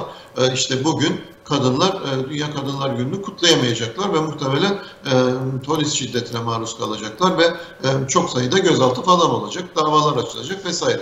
Niye yani şey ne? Hayır biz bunu yaptırmayız. Niye yaptırmıyorsunuz? Yani Dünya Kadınlar Günü'nü kutlamanın nesi kötü olabilir? İstemiyorum. Hiçbir gerekçesi yok. Tam bir keyfilik ve işte bugün e, ya çok sayıda kadın polis şiddetine gereksiz yere. E, halbuki bu bir festivale dönüşmeliydi. Yani niye kadınlar bugün polis şiddetine maruz kalsın ya da niye e, gözaltılar olsun? Anlamaya imkan yok. Halbuki bunu aşabilmesi lazım. O yüzden de bugün bazı CHP'liler beğendim, çok beğendim ben o şeylerin, yaklaşımlarını. Yani kadınların işte bu tür şey baskılar altında Dünya Kadınlar Günü'nü kutlamaya çalışacakları son 8 Mart, önümüzdeki 8 Mart'ı büyük bir coşkuyla kutlayacağız inşallah falan diye paylaşımlar yapmışlardı. Ee, şimdi kadınlar, dolayısıyla kadın örgütleri falan e, şey e, Sayın Kılıçdaroğlu'na destek açıklamasında bulunacaktır muhtemelen. Gençlik örgütleri var. Çok sayıda gençlik üniversite öğrencilerinin şeyleri, örgütleri. Bakın işte keyfi bir kararla üniversiteleri tatil ettim dedi. Evinizden oturun. Ee, Şimdi üniversite gençlerinin bundan çok şikayetçi olduğunu biliyoruz. Mesela şu dönemde bir sürü gençlik örgütü bu koalisyonun parçası haline gelebilir. Çi- Çiftçi örgütleri e, vesaire falan. Yani onun dışında çok sayıda başka alanda faaliyet gösteren STK yani işte depreme yardım etmek istediğinizde hayır ke- kendi başınıza yardım bile yapamazsanız orada sadece iktidarın şey e, gözetim, denetimi e, hatta e, belki götürüp ona vereceksiniz. O kendi logolarını yapıştırarak üzerlerine o paketleri dağıtacak. Sizin faaliyetlerinize bile e, izin verip vermeyeceğini bilmiyorsunuz. Halbuki yani afet var. Siz e, bir gönüllü, yardımsever kuruluşsunuz. E, ve e, tamam koordinasyon olur ama e, engellemeler, engellemelerin yaşandığını da biliyoruz yani kasabanın sırrı değil bu. Şimdi bu, o yüzden de o Grand Koalisyon sadece Emek ve Özgürlük İttifakı'nı da kapsamıyor. Çok daha büyük bir şey kapsıyor. Bunu yapabildiği e, ölçüde e, Millet İttifakı'nın e, şeyi bu yeni bir şeye siyasal düzene geçme hedefi gerçekleştirilebilir olacak. Peki şimdi bu seçimde şöyle bir şey de olacak. Şimdi hani HDP evet Grand Koalisyon dediniz de siz böyle hani dinlerken düşündüm. Şimdi mesela 2018 seçimlerinde e, yapılan hata mesela şeydi. E, Meral Akşener yani İyi Parti o dönemde milliyetçi böyle hani seçmenlerden oy almak yerine daha çok böyle hani seküler laik kesime böyle hani seslenen konuşmalar yapmıştı. Hakeza Temel Bey de hani daha böyle dindar kesim değil. Ya orada bir böyle partiler eksen kayması yaşamıştı gibi. Yani ben ee, şimdi bu, bu seçimde de e, mesela Meral Akşener muhtemeldir ki tabii ki yani partisinin şeydi o. Daha milliyetçi bir söyleme e, söylemle yani kampanyaya katılacak. E çünkü milliyetçi şeyden MHP'den oy alacak daha milliyetçi muhafazakar kitleden oy alması için daha milliyetçi bir söylem. Yani seçimi kazanması için de yani o kitlelerden oy almak için de buna ihtiyaç var.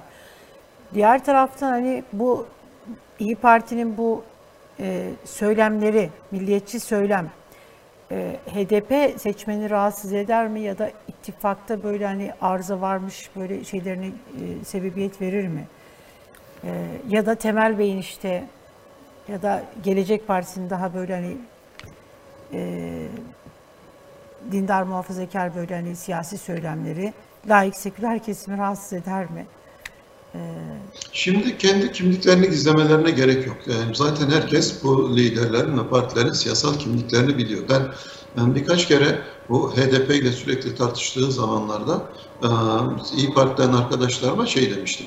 Ya vallahi billahi biz sizin milliyetçi olduğunuzu biliyoruz. Yani her gün bize milliyetçiliğinizi ispatlamak zorunda değilsiniz. Sizin HDP ile ilgili görüşlerinizi e, ne olabileceğini de tahmin ediyoruz hani söylemeseniz bile. Ama sürekli siz sanki her gün milliyetçiliğinizi ispat etmek zorundaymışsınız gibi bir tutum içerisindesiniz. Kimse sizin milliyetçiliğinizden şüpheli etmiyor. Hakeza e, Saadet Partisi'nin muhafazakar dindar bir şey e, dünya görüşüne sahip olduğundan da hiçbirimizin şüphesi yok. Şimdi dolayısıyla bunu ispat etmelerine gerek yok. Ee, şimdi burada e, vatandaşın Millet İttifakı'nı desteklemesinin nedeni belli. Bugüne kadar açıklamış oldukları projeler, en büyük projelerine parlamenter sisteme geçiş. Bunu sağlamak için onu anlattılar bize. Seçmenler sevdi. Bir kısmı sevdi, bir kısmı zaten başkanlık sisteminden yana olduğu için onlar başkanlık sistemini e, ve onu savunan partileri destekliyorlar. Onlara bir sözümüz yok. Ama geri kalan seçmen, muhalefet seçmeni bu modeli sevdi. Evet dedi biz bunu alabiliriz. Çek balans sistemleri, güçler ayrılığı sistemleri, yürütmenin bütün gücü e, parlamento içinden doğan hükümete veriliyor. Cumhurbaşkanlığı yetkileri sembolik. E, sadece ulusal bütünlüğü temsil ediyor. Ama parlamento böyle şey yürütme azgın bir güç değil. Niye? Çok sayıda e, parlamentoda ve onun dışındaki çeşitli bağımsız kurumların aracılığıyla denge, denetleme, e, gözetim mekanizmalar kurulmuş falan. Dünyada da olan bildiğimiz Almanya'da, İngiltere'de uygulanan parlamenter sistem bir model sundular. Seçmenin bir kısmı dedik ben bunu sevdim, ben bunu istiyorum. O yüzden de size destek veriyorum. Sonra e, bir, buna uygun bir anayasa paketi getirdiler. Büyük bir anayasa değişikliği paketi sundular. Seçmen baktı, bu da olur dedi. Evet güzel burada bu anayasal değişiklikleri e, benim hayal ettiğim ülkenin anayasası bu olabilir dedi. Onu da sahiplendi. Sonra da arkasından biliyorsunuz binlerce maddeden oluşan bir hükümet programı çıkarıldı. E, 2400 madde falandı yanlış hatırlamıyorsam o civarda. E, vatandaş onu da beğendi. Tabii herkes hepsini bütün şeyleri maddeleri ezberlemedi ama o anlatıldığı kadarıyla hoşlandı bir itiraz olmadı. Niye? Çünkü bu belgeler açıklandıktan sonra ittifakın oranda falan düşme yaşanmadı. Şimdi e, bu partilerin yapması gereken şey bu. Kendilerini e, topluma beğendirmeye çalışmamalılar. Bu yanlış olur. Bu şu ana kadar çıkardıkları ürünleri, ortak ürünleri topluma anlatmaya çalışmalılar ve o ürünlere daha fazla e, talep, sempati e, yaratmak için bence kampanyayı kullanmalılar. E, çünkü kendi siyasal kimliklerini, kendi dünya görüşlerini plana çıkardıkları anda ee, orada şey o zaman işte bahsettiğiniz şey yaşanabiliyor. Ee, siz muhafazakar bir söylemle gittiğinizde e, şey öbür kesimler size yabancılaşabiliyor. Antipati duymasa bile yabancılaşabiliyor. Çok milliyetçi bir dil kullandığınızda e, öbürlere yine e, size yabancılaşabiliyor. Dolayısıyla da söylemenizin gücü kırılıyor. Oysa ki üzerinde uzlaşılan şeyler, ürünler belli. Anayasaydı, hükümet programıydı, parlamenter sistem modeliydi. Bunların anlatılması gerekiyor. E, ve e, esası şey e, zaten e, vaat, bu Millet İttifakı'nın temel vaadi sistemi dönüştürmek, daha adil, e, hukuk devletinin hakim olduğu, fırsat işi eşitliğinin olduğu, daha katılımcı, daha demokratik, daha çoğulcu, e, azınlığın haklarının korunduğu, temel insan haklarının özgürlüğünün korunduğu. Hatta benim en çok sevdiğim şey, yani sadece o madde için bile e, desteklemeye değer yeni anayasa fikrini, e, de, insan onurunu koruyan anayasanın görevi ve insan onurunu korumak diyor. Şimdi Alman anayasası da bununla başlıyor. E, bu madde bence çok önemli. Şimdi şimdiye kadar Türkiye'de e, anayasalar hep devleti korumak üzerine dizayn edilmiş. Felsefesi bu yani. Devlet çok önemli, devlet kutsal. Devlet olmazsa hiçbir şey olmaz. O yüzden devleti koruyalım. Ama biz vatandaşlar devlet karşısında çok zayıfız. Bizi kim koruyacak? Sizi koruruz kardeşim merak etmeyin siz biz oldukça falan. Şimdi önce haklar özgürlükler sayılır. Sonra hemen istisna maddeleri açılır. Ama derler Zaten o amadan sonra bütün bunlar boşuna yani bizim kafamıza göre istediğimizi size veririz, istemediğimize vermeyiz, uslu vatandaşlar olun. Bütün anayasalarımız bunu söylüyor aşağı yukarı. Şimdi ilk kez insan onurunu korumak gibi bir görev var artık anayasanın ve e, şey e, devletin. Dolayısıyla bu madde için, bu maddenin geçerli olması bile bizim Anayasa e, Mahkemesi'nde, Avrupa İnsan Hakları Mahkemesi'nde falan e, şeyle başvurduğumuzda çok güçlü bir dayanağımız olacak. Çünkü insan onurunu korumak ilk kez Türkiye'de devletin ve hukukun görevi haline geliyor. O yüzden şeyde yani çok güzel düzenlemeler var, çok güzel öneriler var. Bu öneriler topluma anlatıldığında toplum zaten e, şey e, buna ilgi gösterecek. Niye? Çünkü toplum Türkiye'de her zaman otoriterlik mi, e, kaos mu, işte şey mi, e, demokrasi, özgürlükler mi dediğinizde e, hep demokrasi, özgürlükleri seçmiş. Askeri darbe dönemlerinde bile gitmiş e, demokrasiden yana, çoğulculuktan yana, e, şey, özgürlüklerden yana oy kullanmış. O yüzden e, topluma ciddi bir paket olarak, model olarak demokrasi ve özgürlükleri sunduğunuzda toplum her zaman onun yanında olmuş ve onu destekliyor. İnsanın doğasında var yani. Hatta sadece insanın değil, doğadaki bütün canlıların özgür olmak. Kim boyunduruk altında, hangi şey canlı boyunduruk altında yaşamak ister ki? Böyle bir şey yok. Ya da kısıtlanmış olarak yaşamak ister ki? Böyle bir şey yok. E, o yüzden de işte o yüzden başka metaforlar üretilmiş. Mankutlar bilmem ne gibi. Yani gönüllü olarak artık boyunduruk altında yaşamayı isteyen bir varlık türleri falan diye. Şimdi dolayısıyla insanlara özgürlüğü sunduğunuzda, vaat ettiğinizde bunu destekliyor. Partilerin parti taassubunun dışında bugüne kadar davrandılar. Haklarını yememek lazım. Bu kampanya döneminde de parti taassuplarının dışında davranabilmeleri lazım. Evet. Seçmen Millet İttifakı'nı bir bütün olarak görüyor. Tek bir özne olarak görüyor. Mesela şu ana kadar biz hiç e, A partisinin, İyi Parti'nin oyu artarken CHP'nin oyu düşüp Deva'nın oyu çıkıp geleceğin oyu yatay gidip Demokrat Parti'nin oyu azalsın. Böyle bir tablo görmedik. Seçmen bunları bir bütün olarak görüyor. Ya toptan oylar artıyor ya da toptan oyları düşüyor. Hmm. Ee, aynı şey Cumhur İttifakı için de geçerli. Yani orada da oylar arttığı zaman birlikte artıyor, oylar düştüğü zaman birlikte düşüyor. Şunu gibi düşün yani bir şirkette üçümüz ortağız ben kar ediyorum siz zarar ediyorsunuz. Böyle bir şey olabilir mi? Olamaz yani ya birlikte kar ediyoruz ya birlikte zarar ediyoruz. Bu şeyde Şimdi, öyle mi yorumluyorsunuz? Ee, yani bu Meral Akşener'in masadan kalkmasından sonra tekrar dönmesini e, insanların önceliğinin aslında işte iktidarı değiştirmek olduğu için orada da partinin de aleyhine bir durum oldu ve e, biraz da millet e, baskısıyla yani e, tekrar masaya döndü. Yani öyle bir yorum var. Siz katılıyor musunuz? Yüzde yüz. Yüzde yüz. Ben kesinlikle o kanaatteyim. Başından beri söylüyorum. Burada iki şey ortaya çıktı. Bu krizin en faydalı tarafı oldu. Birincisi biliyorsunuz masa kurulduğundan bu tarafa Cumhur İttifakı ya da iktidarı destekleyen insanlar tabii ki eleştiriyordu. Normaldir. Onlara bir sözümüz yok. Yani destekleyecek halleri yok. Normal kendi pozisyonlarına uygun bir şey yapıyorlar. Ama muhalefeti destekleyen çok sayıda kanaat önderi e, nin işleri güçleri de masaya eleştirmekti. Hmm. E, hatta ben öyle bir yazı yazmıştım. Muhalefete muhalefet eden muhalifler diye. E, öyle bir şey tipoloji türedi. Yani şeyden iktidardan çok muhalefete eleştiren ama kendileri de muhalif olan insanlar. Şimdi e, bu kriz ortaya çıktığında bir anda herkes masanın ne kadar elzem, ne kadar mühim, ne kadar önemli e, ve gerekli bir şey olduğunu evet. bir anda fark etti. Ve masayı çok küçümseniyordu yani masa değil mi? Çok çıktı. Yani e, sahiplenme duygusu yükseldi. E, hiç kimse masanın feda edilemeyeceğini, masadaki bir e, şeyi aksaklığın siyasal sonuçlarının yani tamamen Cumhur İttifakı'nın şey mutlak hakimiyeti anlamına geldiğini falan bir anda fark etti. Şimdi birincisi masanın önemi e, ve gerekliliği ortaya çıktı bu süreç içerisinde. Ama mesela bu sadece sonra kimse seçmen tarafından değil, bu mesela ben de şey görüşüne katılıyorum. Yani masayı seçmen kitlesi toparladı. Evet. Yani Millet tabii, İttifakı'nı seçmeni o, toparladı. E, Ama sadece şey değil. Seçmen de anladı. Evet. Seçmen de anladı. Bütün hani masada kıymetsiz kimse yok. Ama masadaki liderler de ha biz bu masadan bu masa bizi aştı. Biz buradan Aynen. kalkarsak bu seçmen bizi parça pinçik edecek. Aynen yani bunu öyle. gördüm. Zaten yani. benim gördüğüm o üç günlük süreç içerisinde ben eminim ki evet. e, İyi Parti'deki bütün arkadaşların telefonları kilitlenmiştir. Evet. Sosyal medya hesapları bloke olmuştur. WhatsApp mesajları falan dolmuş taşmıştır. E, niye? Çünkü onları tanıyan, bilen, ulaşabilen herkes üzerlerinde büyük bir baskı kurdu. Masaya dönün diye. Zaten çok belliydi aslında. Ama Şimdi bu, burada İYİ sadece İbrahim Bey sadece İyi Parti'ye değil İyi Parti'ye masaya dön.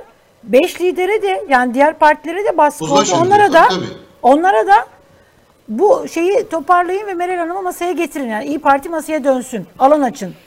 Yani iki Tabii, tarafa tabii, tabii. birden Hiç- baskı. Hakikaten öyle büyük bir baskı oldu. Şimdi bu süreçte ilk, şimdi e, belki bazı siyasetçiler siyaseti Ankara'da, genel merkezlerde, şey, kulislerde falan e, yürütülen operasyonlar, manevralar olarak falan görüyorlardı.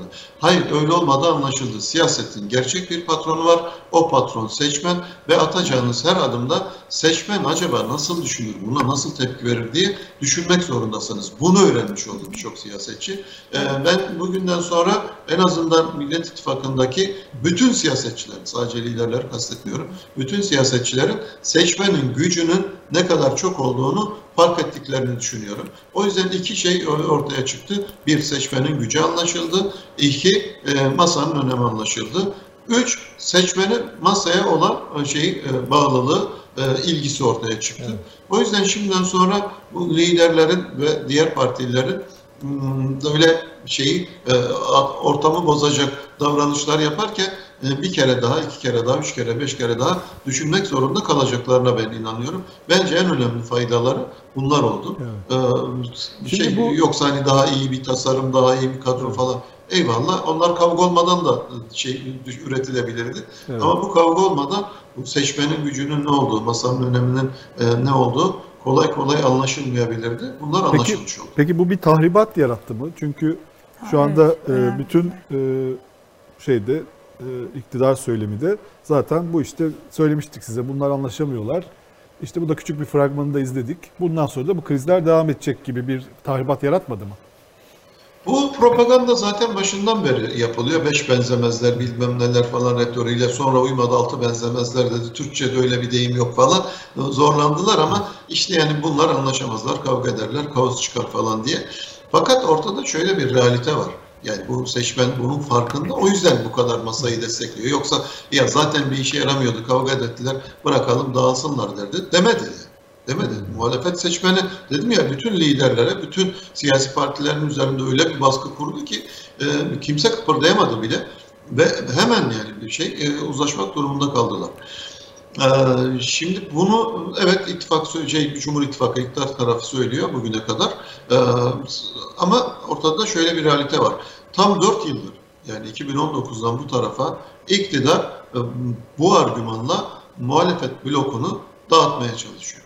Netice netice ortada. 4 yıllık büyük projeleri çöktü aslında. Kimse onu konuşmuyor. Yani siz 4 yıl boyunca kendi oyunuzu arttırmak yerine muhalefeti parçalara ayırmaya çalışıyorsunuz. Bir, Millet İttifakı'nı parçalayalım. İyi Parti ve diğerler arasında parçalanma olsun.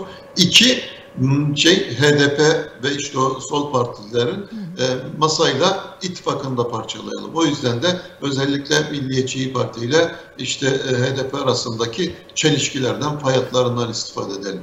Buraya o kadar çok yatırım yapıldı ki, o kadar çok yatırım yapıldı ki netice Netice şimdi e, şey olarak hep birlikte tekrar seçime giriyorlar. Tıpkı ne zaman olduğu gibi 2019'da olduğu gibi.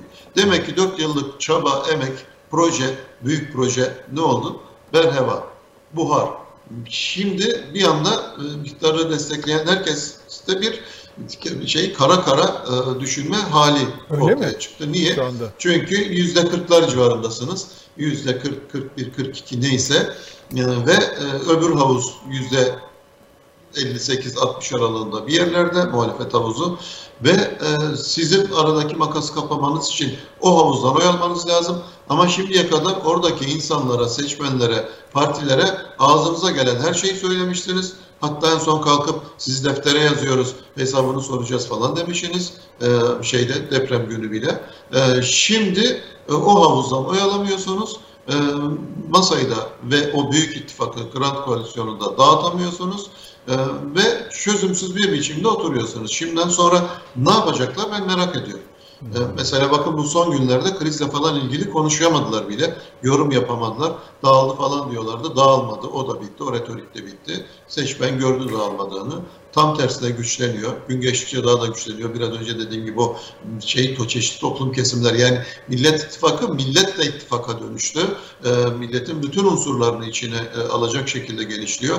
2019 se yerel seçimlerinde olduğu gibi ve iktidarın elinde buna karşı yapabileceği hiçbir şey yok şu an için. E, o yüzden hani bu şey kaygı e, çok e, şey anlatıldı seçmene, çok kullanıldı, suistimal edildi ve fakat gelin görün ki masa 4 yıllık varlığını sürdürüyor. 4 yıl önceki gücünde hatta biraz daha güçlü çünkü o dönemde muhalefet blokunun toplama oranı %50'ler civarındayken şimdi artık %60'lar civarında. Bu arada büyüdü yani bu argümana rağmen o blok büyüdü tam tersine. E, o yüzden de bunun bugünden sonra bu argümanı kullanabilirler mi? Kullanabilirler ama masa bundan mutlu olur yani. Yeni bir argüman geliştiremeyip bunlar kavga edecekler falan derlerse seçmen zaten mesela şeyi de e, bugünden sonra kullanırlarsa e, ben hani masayı destekleyen daha doğrusu muhalefet blokunu destekleyen bir insan olarak bundan da mutlu olurum. Hmm, yani bakın terörü destekliyorlar. Bu gördünüz mü? Ben size diyordum. Bunların hepsi terör işbirlikçisi. Bakın terör işbirlikçisi. Bunu 2019'dan beri söylüyorlar. Hatta daha öncesinden beri söylüyorlar. Şey Bildiğiniz gibi muhalefet seçmeni evet. bunu da ciddiye almadı. O yüzden bu tür argümanların şeye masaya, bu büyük koalisyona daha doğrusu masa dememek lazım artık. E, masa sadece bir parçası. O büyük koalisyona herhangi bir olumsuz etkisi olmadı. Bundan sonra da kullanabilirler. Yeni bir şey bulup etkili bir şey bulacaklarına bu mevcut argümanları kullansınlar bence. Peki, Çünkü bir zararı yok. Grand koalisyon olduğu yerde duruyor. İbrahim Bey böyle e, şeyin seçim kampanyası ile ilgili biraz da konuşalım isterseniz. Yani bu şimdi bir de deprem var ve e, bu yüzden de e, böyle çok eski seçim kampanyaları gibi seçim kampanyası olmayacağı e, söyleniyor. Yani böyle büyük mitingler, işte şenlikler gibi şeyler olmayacak. Zaten Cumhurbaşkanı da biz tamamen depremle ilgileneceğiz. Hani bunlar hani koltuk peşinde biz depremle ilgileniyoruz. Böyle bunun üzerine kuruyor söylemini. Tam olarak nasıl bir seçim kampanyası bekliyorsunuz? Mesela iktidar açısından onlar ne yapacaklar bu? Çünkü az bir süre kaldı. O farkı nasıl kapatabilirler? Yani bu yüzde 41, yüzde 42 bandındalar dediğiniz. E, bu nasıl değişebilir? Muhalefet açısından riskler var. Çünkü altı parçalı bir yapı var. E, ve orada ortak bir kampanya yapılabilecek mi? Yani bir partinin şeyi önemi çıkacak. Çünkü her an bir yerden bir ideolojik bir şey patlayabilir, bomba patlayabilir ve diğerleri yani hemen ondan etkilenebilirler. Biraz böyle kampanyaları değerlendirebilir misiniz? Orada hakikaten ciddi bir iletişim mühendisliğine ihtiyaç var, haklısınız. Çünkü çok Mesela sayıda... Mesela andımız şey... girmiş. Bugün Yıldıray dikkatini çekti. Andımız hani Kemal Bey'in o işte ben gidiyorum e, afişinin arkasında. Oysa kendi mutabakat metninde ya da altılı masanın böyle bir şeyi yok. Andımızın oraya girmesi gibi. Böyle hani Seçmen bunları çok dert etmez. Şimdi burada seçmene verilecek temel mesajlar önemli. Yani bu evet. şey görsellerin analizi vesairesi falan az sayıda insanı ilgilendiren şeyler. Bu şeyde siyasette sembolizmi kullanmak hele şöyle dönemlerde o kadar gereksiz ki yani ne söyleyecekseniz oradan söyleyin kardeşim. Niye sembollerle bilmem nelerle böyle gizli mesajlar falan hani evet. bu hakikaten bunlara ihtiyaç yok. Şimdi masanın e, bugüne kadar geliştirdiği ve toplum kesimlerinde, çeşitli toplum kesimlerinde e, şey beğendiği biraz önce saydı elinde üç tane temel ürün var. Bunlardan birincisi parlamenter sistem modeli, ikincisi anayasa önerisi, üçüncüsü de e, bu ortak hükümet programı. Bunların anlatılması lazım ve vatandaşlara yeni bir Türkiye hayalinin kurdurulması lazım. Bu hayali zaten vatandaşlar görüyorlar. Şikayetlerinin farkındalar. Nasıl bir ülkede yaşamak istediklerini, nasıl bir e, şeyde ortamda yaşamak istediklerini zaten biliyorlar. Sizin hayalleriniz onların hayalleriyle örtüştüğü anda da zaten seçmen sizi destekliyor. Şimdi e, o yüzden de böyle hani çok daha yaratıcı şeyler bulacağım falan diye kimsenin kendini paralamasına gerek yok. Artık burada parti taasubuyla, ideoloji taasubuyla e, bir şey söylem üzerinden gitmeye gerek yok. Çünkü bizim sorunlarımız bizim şikayetlerimiz, bizim mutsuzluklarımız ideoloji nötr şikayetler aslında. Herkes tweet attığı için yargılanmaktan, tutuklanmaktan, sabahın beşinde evinin basılmasından korkuyor. Bu ideoloji nötr bir şey bu korkunun bizatihi kendisi.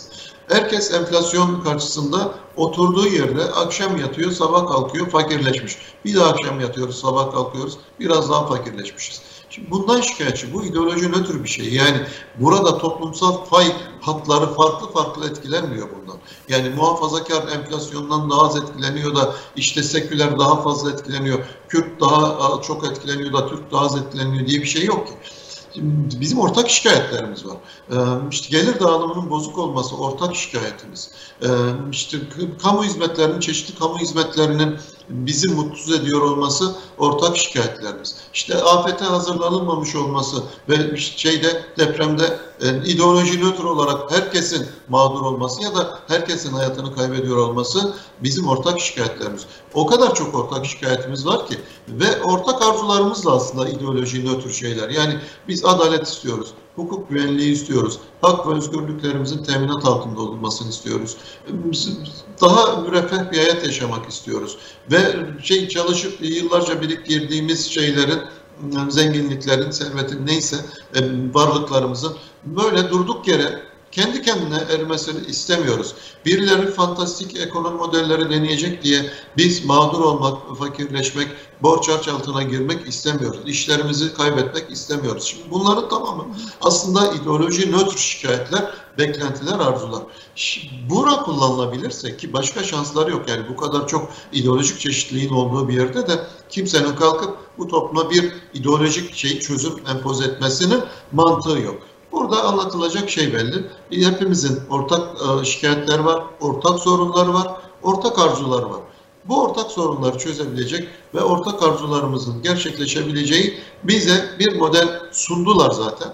Ee, elimizde şu an için daha alternatif iyi bir model de yok işin doğrusu. Hani bununla olmaz. Neyle olur abi peki? Neyle olur yani? E, ben gelir yaparım siz merak etmeyin. Böyle bir şey yok. Çünkü hiç kimsenin tek başına gelip bir şeyleri düzeltebilme e, olanağı söz konusu değil. Niye? Çünkü anayasayı değiştirmek için 360 gerekiyor en basitinden. 360'ı e, bulmak için ortaklaşmanız gerekiyor. Başka da şansınız yok. Siyasetin bir aritmetiği var. Bir anayasal çerçeve var. İyi kötü beğenelim beğenmeyelim. Ve bunun bu bize diyor ki arkadaşlar sizin ideolojiniz, dünya görüşünüz, hayalleriniz falan birbirinden farklı olabilir. Ama bu ülkede iyi bir şeyler yapmak istediğinizde ortaklaşmak zorundasınız. Bir şeylerinizi, ideolojik taassuplarınızı vesaireler bir kenara koymak durumundasınız. Siyasal kimliklerinizi, parti kimliklerinizi, etnik kimliklerinizi bir kenara koymak zorundasınız. Ortaklaşmalısınız ve ancak o zaman bu ülkede bazı şeyleri değiştirebilirsiniz. Yoksa olduğu gibi yaşarsınız. Eğer hayatınızdan memnunsanız olduğunuz gibi yaşamayı tercih edin. Bunu tercih edenler de var. Saygı duyarım ben kimseye bir şey söylemiyorum. Ben biz bu halimizden memnunuz diyor. O zaman onlar bir değişim istemiyorlar. Değişim olmasın diye oy veriyorlar. Haklarıdır. Hiçbir itirazımız yok. Ama bir şeyler değişsin istiyorsanız o zaman bu taassuplarınızı, kimliklerinizi bir kenara bırakmak zorundasınız. Parti kampanyalarını yapan insanların ve partilerin bunu anlaması gerekiyor. Kimlik bağımsız, ideoloji bağımsız, e, siyasi parti bağımsız, daha nötr, daha ortak ve e, bu toplumun ortak sorunlarını ve e, ortak arzularını birlikte e, şey e, evet. birleştirebilen bir kampanya diline ihtiyaç var. Peki mesela elbette ki evet. bir taraftan iş ortaklar, bir taraftan rakipler o yüzden kampanyalar biraz sıkıntılı geçebilir falan. Ama çok ideolojik bir dil kullanılmadıktan sonra sadece bu ortak hayaller ve ortak sorunlar üzerinden bir dille yürüdüğünde enflasyon üzerinde istediğinizi söyleyebilirsiniz. Evet. Çünkü bu, bu bir çelişki yaratmaz. Ya da gelir dağılımı üzerinde ya da kadın meselesi üzerinde istediğinizi söyleyebilirsiniz. Bunlar bir çelişki yaratmaz. Çünkü ortak problemler kadına karşı şey şiddet, kadın cinayetleri mesela. Yani ne söyleseniz birilerine ideolojik olarak rahatsız etmez. Ha biz orada bile ideolojik olarak insanların gözüne batacak şeyler buluruz diye bir çabaya da kimse girmesin. Evet. Yani ortak sorunları, ortak özlemleri ifade edildiği sürece ben seçmenin bundan rahatsız olacağını zannetmiyorum. Evet. Şimdi e, Kılıçdaroğlu var. E, beş parti lideri e, Cumhurbaşkanı Yardımcısı. Bir de iki belediye başkanı İmamoğlu ve Yavaş Cumhurbaşkanı Yardımcısı olma e, şeyi veriliyor Cumhurbaşkanı. Şimdi Kılıçdaroğlu açıklamasını e, şeyde e, Saadet Partisi önünde 5 parti liderinin önünde yaptı. CHP önünde ise yola işte Mansur Yavaş ve Ekrem İmamoğlu ile çıktığını söyleyerek yaptı. Kampanyada nasıl göreceğiz siz yani sizin tahminleriniz var mı? Çünkü epey bir şey var. Böyle bütün bu yüzleri beraber mi göreceğiz? Cumhurbaşkanı adayı sadece Kılıçdaroğlu mu göreceğiz yoksa Cumhurbaşkanı yardımcılarını da kampanyada yüz olarak görecek miyiz? Ekrem İmamoğlu ve Mansur Yavaş'ın konumu nasıl olacak? Bununla Doğru ilgili... olan bir takım ve kadro görüntüsü vermeleri. Yani çünkü burada bir tek adam var. Ona karşı ikinci tek adam. Karizma yarıştırıyoruz. Kim daha karizmatik o kazansın yarışına girilirse bu doğru bir şey değil. O Grand Koalisyon'un ruhuna da ters bir şey. Yani bir taraftan Grand Koalisyon'dan bahsediyoruz. Sonra e, ortada sahnede köşte bir tek insandan bahsediyoruz. Bu ikisi birbiriyle çelişen şeyler. O yüzden sadece liderler, sadece iki belediye başkan yardımcısı değil, bence A takımda yer alacak diğer isimler de bu arada tespit edecek olan onlar da sürece dahil edilebilirler. Büyük bir kadro görüntüsü, büyük bir takım görüntüsü vermek gerekiyor. O Grand Koalisyonu bizim e, aynı zamanda e, şeyde sahnelerde, sokaklarda, kampanya esnasında hissedebilmemiz gerekiyor. Bunu hissettirebildiği ölçüde e, şey başarılı olacaktır kampanya. Bunu hissettiremezse de başarısız olur. Yoksa şey bir kişinin karizmasına alternatif bir karizma bu, bu doğru bir yöntem değil yani. Öyle Peki, isimler açıklanacak mı? Ya pardon. Hani kabine... Açıklanması doğru olur. Benim önerim ben bu. Ben de onu Benim soracaktım. Önerim. Yani şimdiden bunların bir kısmını en azından açıklayın. Evet. Fatura yani fotoğraf sadece mesela Cumhur şimdi genel başkanlar Cumhurbaşkanı yardımcısı olacak bunu biliyoruz. Ekrem İmamoğlu, Mansur Yavaş da Cumhurbaşkanı uygun gördüğü tarih herhalde bu da e, yerel seçimlerden sonra olacak. Yani, e, Öncesinde de olabilir. Öncesinde de olabilir. Yani e, ben bu konuşulacaktır. Evet. Şimdi sadece Şimdi hani sadece bu fikir mu? olarak söylüyorum. Şimdi, yani, Mesela evet. şöyle bir şey olsa seçimden sonra Sayın İmamoğlu e, Cumhurbaşkanı yardımcısı olarak atansa ve dense ki siz İstanbul'un depreme hazırlanması için gerekli süreçleri yürütmekten sorumlu Cumhurbaşkanı yardımcısınız aynı zamanda. O zaman çok daha büyük bir güçle, çok evet. E, daha hızlı biçimde İstanbul'u dönüştürebilir. Yani şimdi belediye Ama başkanı belediye olarak, başkanı mı kalacak? Efendim? Aynı zamanda belediye başkanı mı kalacak? Tabii tabii yasal olarak orada boşluk var. Bir yasal düzenleme gerekiyorsa yapılır. Bu anayasadan kaynaklanan bir şey değil. Orada boşluk var. Hatırlayın Cumhurbaşkanı günün birinde kalktı. Cumhurbaşkanlığı başka bir görev atadı atanan Recep Tayyip Erdoğan, atayan Recep Tayyip Erdoğan. Ki hiç kimse düşünmemiş yani Cumhurbaşkanı kendini bir yere atamak isterse ne olur diye. Atadı. Varlık fonunun başına atamıştı. Hatırlar mısınız? Evet. evet. Hatırlamaz olur mu? Niye yasal boşluk vardı? Yaptı. Yani çünkü yasal boşluk olunca da siz bunu yapamazsınız diyemiyorsunuz. Ancak siyasetik tartışması yapılıyor. Ya oradaki yasal boşluk, boşluk mu? Hiç öyle tasarlandı mı? Şimdi yasal boşluk demek orada biraz böyle hani daha mevzuya böyle iyimser böyle hani Hayır hayır iyimserlik değil. Şimdi belediye başkanları Cumhurbaşkanı yardımcısı olamaz diye bir şey olmadığı için. Evet. E, mesela belediye başkanı milletvekili olmak istediğinde olamazsın kardeşim diyor. Birinden birini tercih edeceksin. Milletvekili olmak istediğinde istifa etmen lazım diyor. İstifa evet. ediyor. Evet. Ya da il başkanıysa belediye başkanı olmak istediğinde olamazsın diyor. Birinden istifa et diyor. İl başkanlığından istifa ediyorsunuz. Belediye başkanı adayı oluyorsunuz. Şimdi, Şimdi onlar düzenlenmiş. Burada hiçbir düzenleme yok. Düzenleme yoksa bir yasaklama yoksa serbesttir. Yani hukukun mantığı böyledir. Yani düzenleme yoksa serbesttir. Dolayısıyla aynı anda Cumhurbaşkanı yardımcısının atandığında atanmış olur. Evet. Görevini verirsiniz. Evet. Görevli olur. Şeyde yani İstanbul'un depreme hazırlanmasından sorumlu Cumhurbaşkanı yardımcısı olur evet. ve e, hem belediyenin imkanlarını kullanarak hem hükümetin imkanlarını kullanarak İstanbul'u iki koldan depreme hazırlar. Ee, çok, çok da, daha mesela çok da güzel, İstanbul evet. için büyük faydalı bir iş olur. Evet. O yüzden de hani illa yerel seçim bekleyecek. Çünkü şeye ekonomiden sorumlu e, Cumhurbaşkanı yardımcısı olmadığı sürece yani İstanbul'un dışında başka bir işle ilgilenmesini zorlamadığımız sürece o zaman Sayın İmamoğlu e, her iki işi bir arada yapabilir mi? Yapabilir. Ya da e, Mansur Bey'in işte Ankara'yı kültür başkenti yapma, kültür kenti yapma falan şeyler vardı, projeler vardı. Aynı zamanda da Mansur Bey'e Cumhurbaşkanı yardımcısınız ve e, bu Ankara'nın kültür başkenti olma projesini hayata geçirmekten Ya da sadece mesela. Ankara değil, diğer metropol hani Türkiye'nin böyle bir şey de vardı. Diğer işte hani daha böyle üretim e, üreten şehirlerin daha metropol, daha böyle hani ticaret ticaret merkezi, cazibe merkezi haline gelmesi için herhalde bu genişletilebilir. Yıldıray daha gülüyor. geniş yetki Bak daha geniş yetki. Ama bir, bir şey Yani var. Şimdi burada, burada anlatmaya çalıştığım şey şu.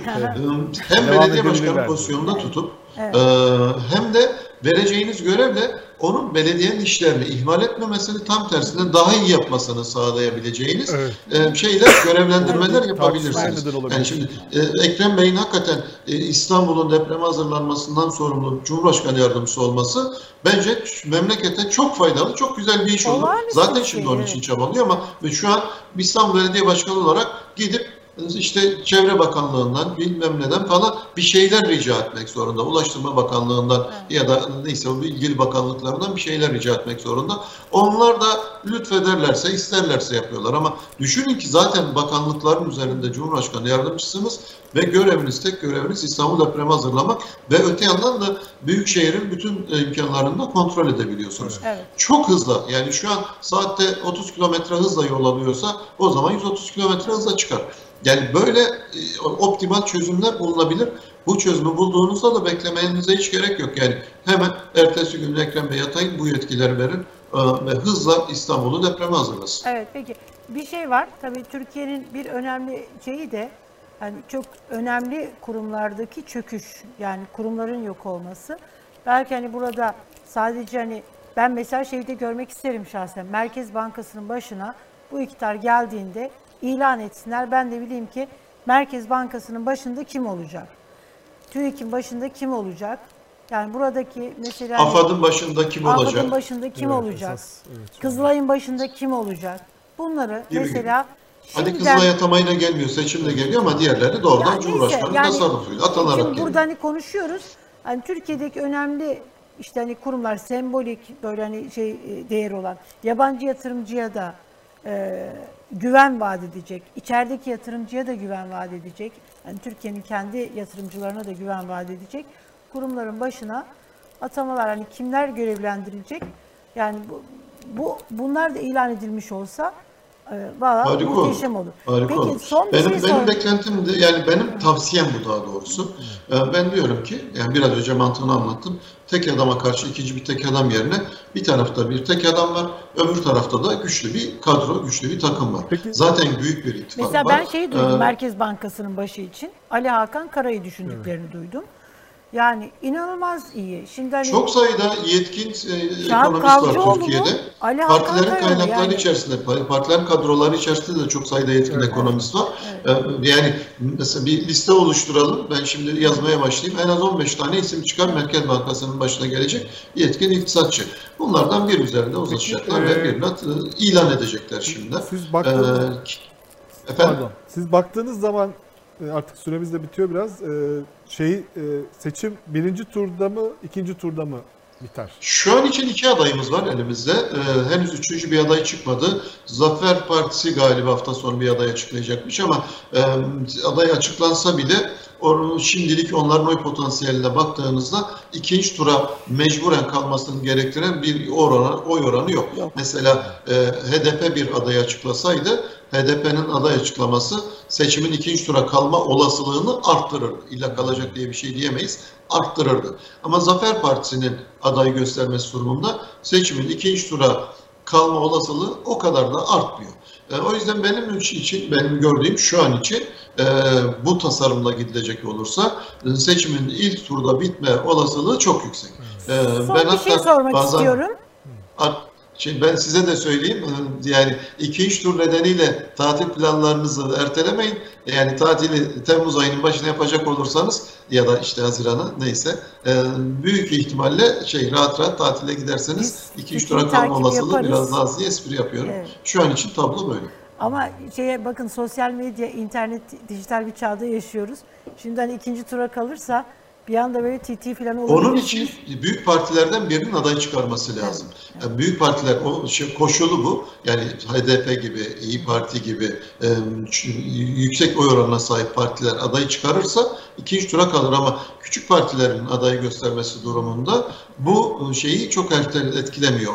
Peki, yani iki büyük şey adayın sor. oy oranını çok etkilemiyor. Son bir şey sormak istiyorum. Şimdi hani e, sizin de dikkatinizi çekti mi? E, bir hani e, iyi bir kamuoyu araştırmacısınız aynı zamanda. Şimdi mesela borsada, şimdi mesela borsa hani iktidar borsayı çok önemsiyor. Erdoğan da hani çok önemsiyor. Bu da mesela eldeki mesela iktidar değişiminin satın alınıp alınmadığını gösteren önemli göz, yani önemli kriterlerden birisi olarak sayılabilir mi? Şimdi borsa mesela 3 Mart'ta e, Meral Akşener'in masadan kalkmasıyla çöktü. Yani önemli sert bir düşüş yaşadı. Ee, tekrar masaya döneceği işte hani şey yapınca piyasaları da olumlu etkiledi.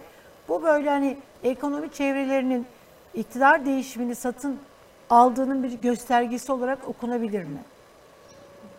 Şey ekonomi çevrelerinde böyle bir yani iktidarın değişeceği ve daha öngörülebilir ekonomi politikaları uygulayacak bir hükümetin iş başına geleceği fikri e, piyasalara olumlu etki yapacak. Bunu bütün ekonomistler söylüyor. Hatta bazıları e, yani şey e, iktidarın değişeceğinin anlaşıldığı gün döviz kurlarının, faiz oranlarının falan kendiliğinden düşmeye başladığını, borsanın kendiliğinden yükselmeye başladığını göreceksiniz ve daha bu durum ortaya çıktığı anda bile yani gerçekleştiği anda değil, ortaya çıktığı anda bile, ihtimali ortaya çıktığı anda bile Türk ekonomisinde iyileşmeler olacak diye bazı ıı, şey ekonomistler bile var.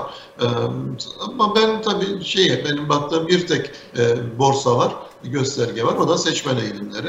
Ee, biz bu bütün bu olaylardan sonra seçmen eğilimler nasıl olduğunu hakikaten merak ediyoruz. Bir de tabii adaylar netleşiyor. Şimdiye kadar hipotetik sorular soruyordu. O acaba olursa, bu da böyle olursa, o bunu desteklerse siz oy verir misiniz? hipotetik durumları ölçmek e, şey için araştırmacılar için zordur. O yüzden yani bir somut olduğunda vatandaş çok daha kolay tercih yapıyor. Biz de o zaman daha rahat ölçümlüyoruz. Yani işte 3 tane aday var. Diyelim ki Zafer Partisi de şimdi hafta sonu adayını açıkladı. Başka da bir aday yok. Ha, o zaman oy pusulası belli. E, üç tane aday Sayın Erdoğan'ın resmi, Sayın Kılıçdaroğlu'nun resmi ve e, Zafer Partisi'nin açıklayacağı adayın fotoğrafı. Bunlardan hangisine oy verirsiniz diye soruyoruz. Ve o zaman siz çok daha rahat bir seçim yapıyorsunuz. Seçim yaparken aklınızın arkasında bir sürü varyasyon, kombinasyon falan olmuyor. Ee, ya da varsayım olmasına gerek yok. Somut. Üç aday birini seçiyorsunuz. O zaman da biz de rahat tahminler yapıyoruz. Şimdi bu ilk araştırmalar gelmeye başladıktan sonra zaten tablo net bir biçimde görünecek. Ya başa baş bir yarış göreceğiz ya yarış koptu zaten artık bundan sonra değişmez diyeceğiz. Mesela ikinci İstanbul yarışına girdiği, girildiğinde e, seçim kararı alındıktan kısa bir süre sonra yarış koptu. Fiilen yarış bitti. O günden sonra sadece yasal süreci bekledik. Yasallık gelsin köy verelim diye.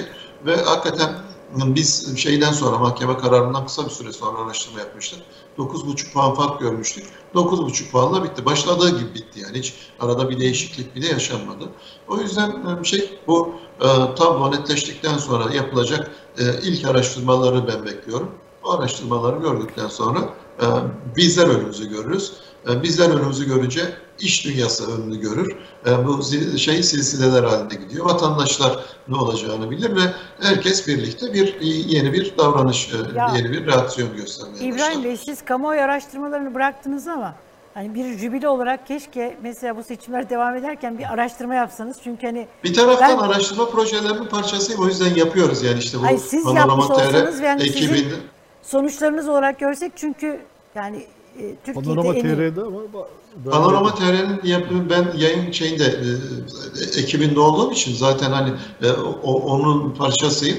Dolayısıyla o sonuçlar aynı zamanda benim de sonuçlarım. Çünkü ben de e, şey okay. e, onu hazırlayan ekibin içindeyim. Peki, e, belki o dönemde evet. başka modellerle bir daha ölçeriz ama gerek yok yani çünkü e, tablo karmaşık olmadığında e, o zaman çok daha rahat görüyorsunuz. Mesela referandumda evet Mayım iki tane seçenek var. E, sadece iki değeri tahmin ediyorsunuz. O çok kolay. Ama diyelim ki bir çok sayıda partinin yarıştığı, 15 partinin yarıştığı bir yarışta 15 ayrı şeyi e, tahmin etmeye çalışmanız gerekiyor, gelişmeyi ya da e, faktörü. Şimdi orada tahmin işi biraz daha zor bir iş. Ama burada da şimdi bir iki aday olacağı için, iki majör aday olacağı için e, onların oranlarını tahmin etmekte araştırmacılar açısından, bütün araştırmacılar için, yani işini iyi yapmaya çalışan araştırmacılar için daha mümkün ve kolay olacak partiler oranlarını tahmin etmek dedim ya çok sayıda parti olunca o orada hata oranlarımız artıyor. İki tane değer tahmin ediyorsunuz.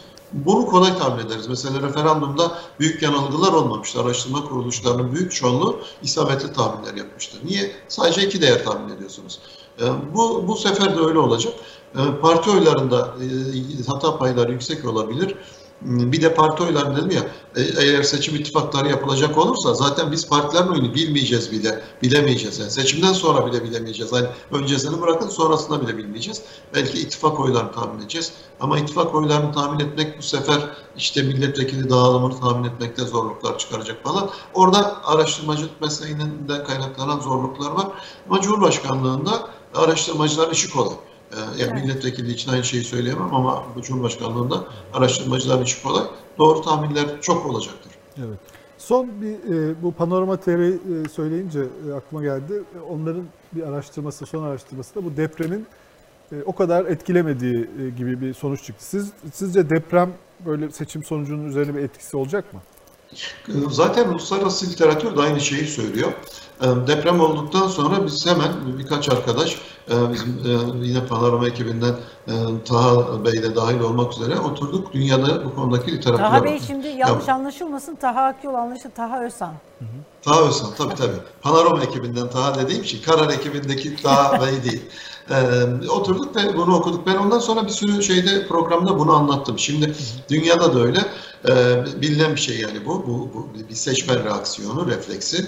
Ee, büyük toplumsal afetler olduğunda e, seçmen büyük bir korku, büyük bir kaygı, endişe ve mahrumiyet, mağduriyetler yaşamaya başlıyor. Durumda da e, şeye e, kendisine ilk yardım elini uzatan hükümete sığınıyor bir taraftan, bir taraftan da bu küçük e, jestlerin bile büyük bir marjinal faydası oluşmaya başlıyor. Yani çölde kalan birine e, birinin bir bardak su vermesi gibi düşünün. Maddi olarak onun hiçbir karşılığı yoktur ama marjinal faydası çok yüksektir. Fakat süreç uzadıkça insanlar bir süre sonra eski hayatlarını özlemeye başlıyorlar. Bunu elde edemiyorlar. Yani düşünün şimdi deprem oldu, canınızı kurtardınız, çok mutlusunuz. Yakınlarınızı kaybettiniz, onun üzüntüsü var. Böyle siyaseti düşünecek haliniz bile yok. Ama birileri, devlet geliyor size işte çadır veriyor, ekmek veriyor, su veriyor, e, giyim kuşam yardımı yapıyor falan. Belki bir para e, şey yardımlar yapıyor. Bir süre bu şey yani halinize şükredip yeni yaşam koşullarınızı adapte olmaya başlıyorsunuz ama bir süre sonra tabii ki normal hayatınızı istiyorsunuz. Belki deprem öncesinde gayet mutlu olduğunuz bir hayatınız vardı ama artık yok. Daha sonra yani çöl örneğinden gidelim. E, Çöldesiniz. E, Biri geliyor bugün size su veriyor. Yarın ekmek veriyor. Bir iki gün üşümeyesiniz diye size battaniye veriyor. Geceler soğuk olur diyor. Ertesi gün güneş gözlüğü getiriyor. Gündüz gözleriniz şey çok rahatsız olur. Abi bu güneş gözlüğü alın falan. Hepsinde şükran duyuyorsunuz ama bir ay, iki ay, üç ay siz hala çöldesiniz biri de size yardım ediyor.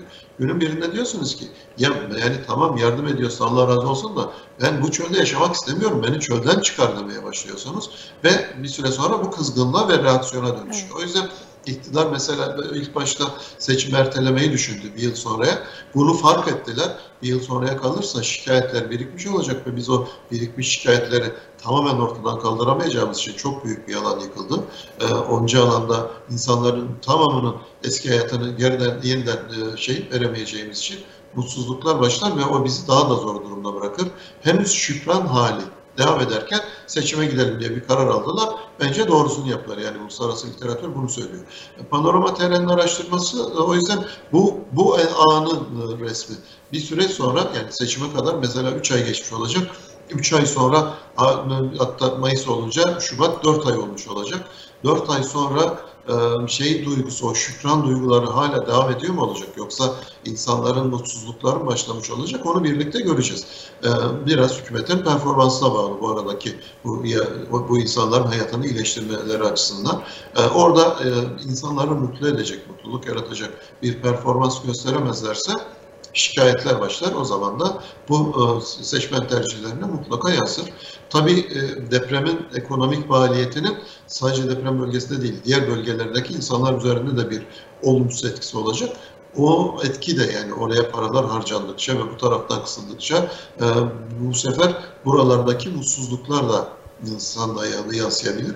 O yüzden bu aradaki 3-4 aydaki iktidarın bu süreci yönetme performansı seçmen eğilimlerini belirleyecek. Yoksa hani deprem olunca ne güzel insan partilerin oyu artmıyor. Öyle bir şey söz konusu değil.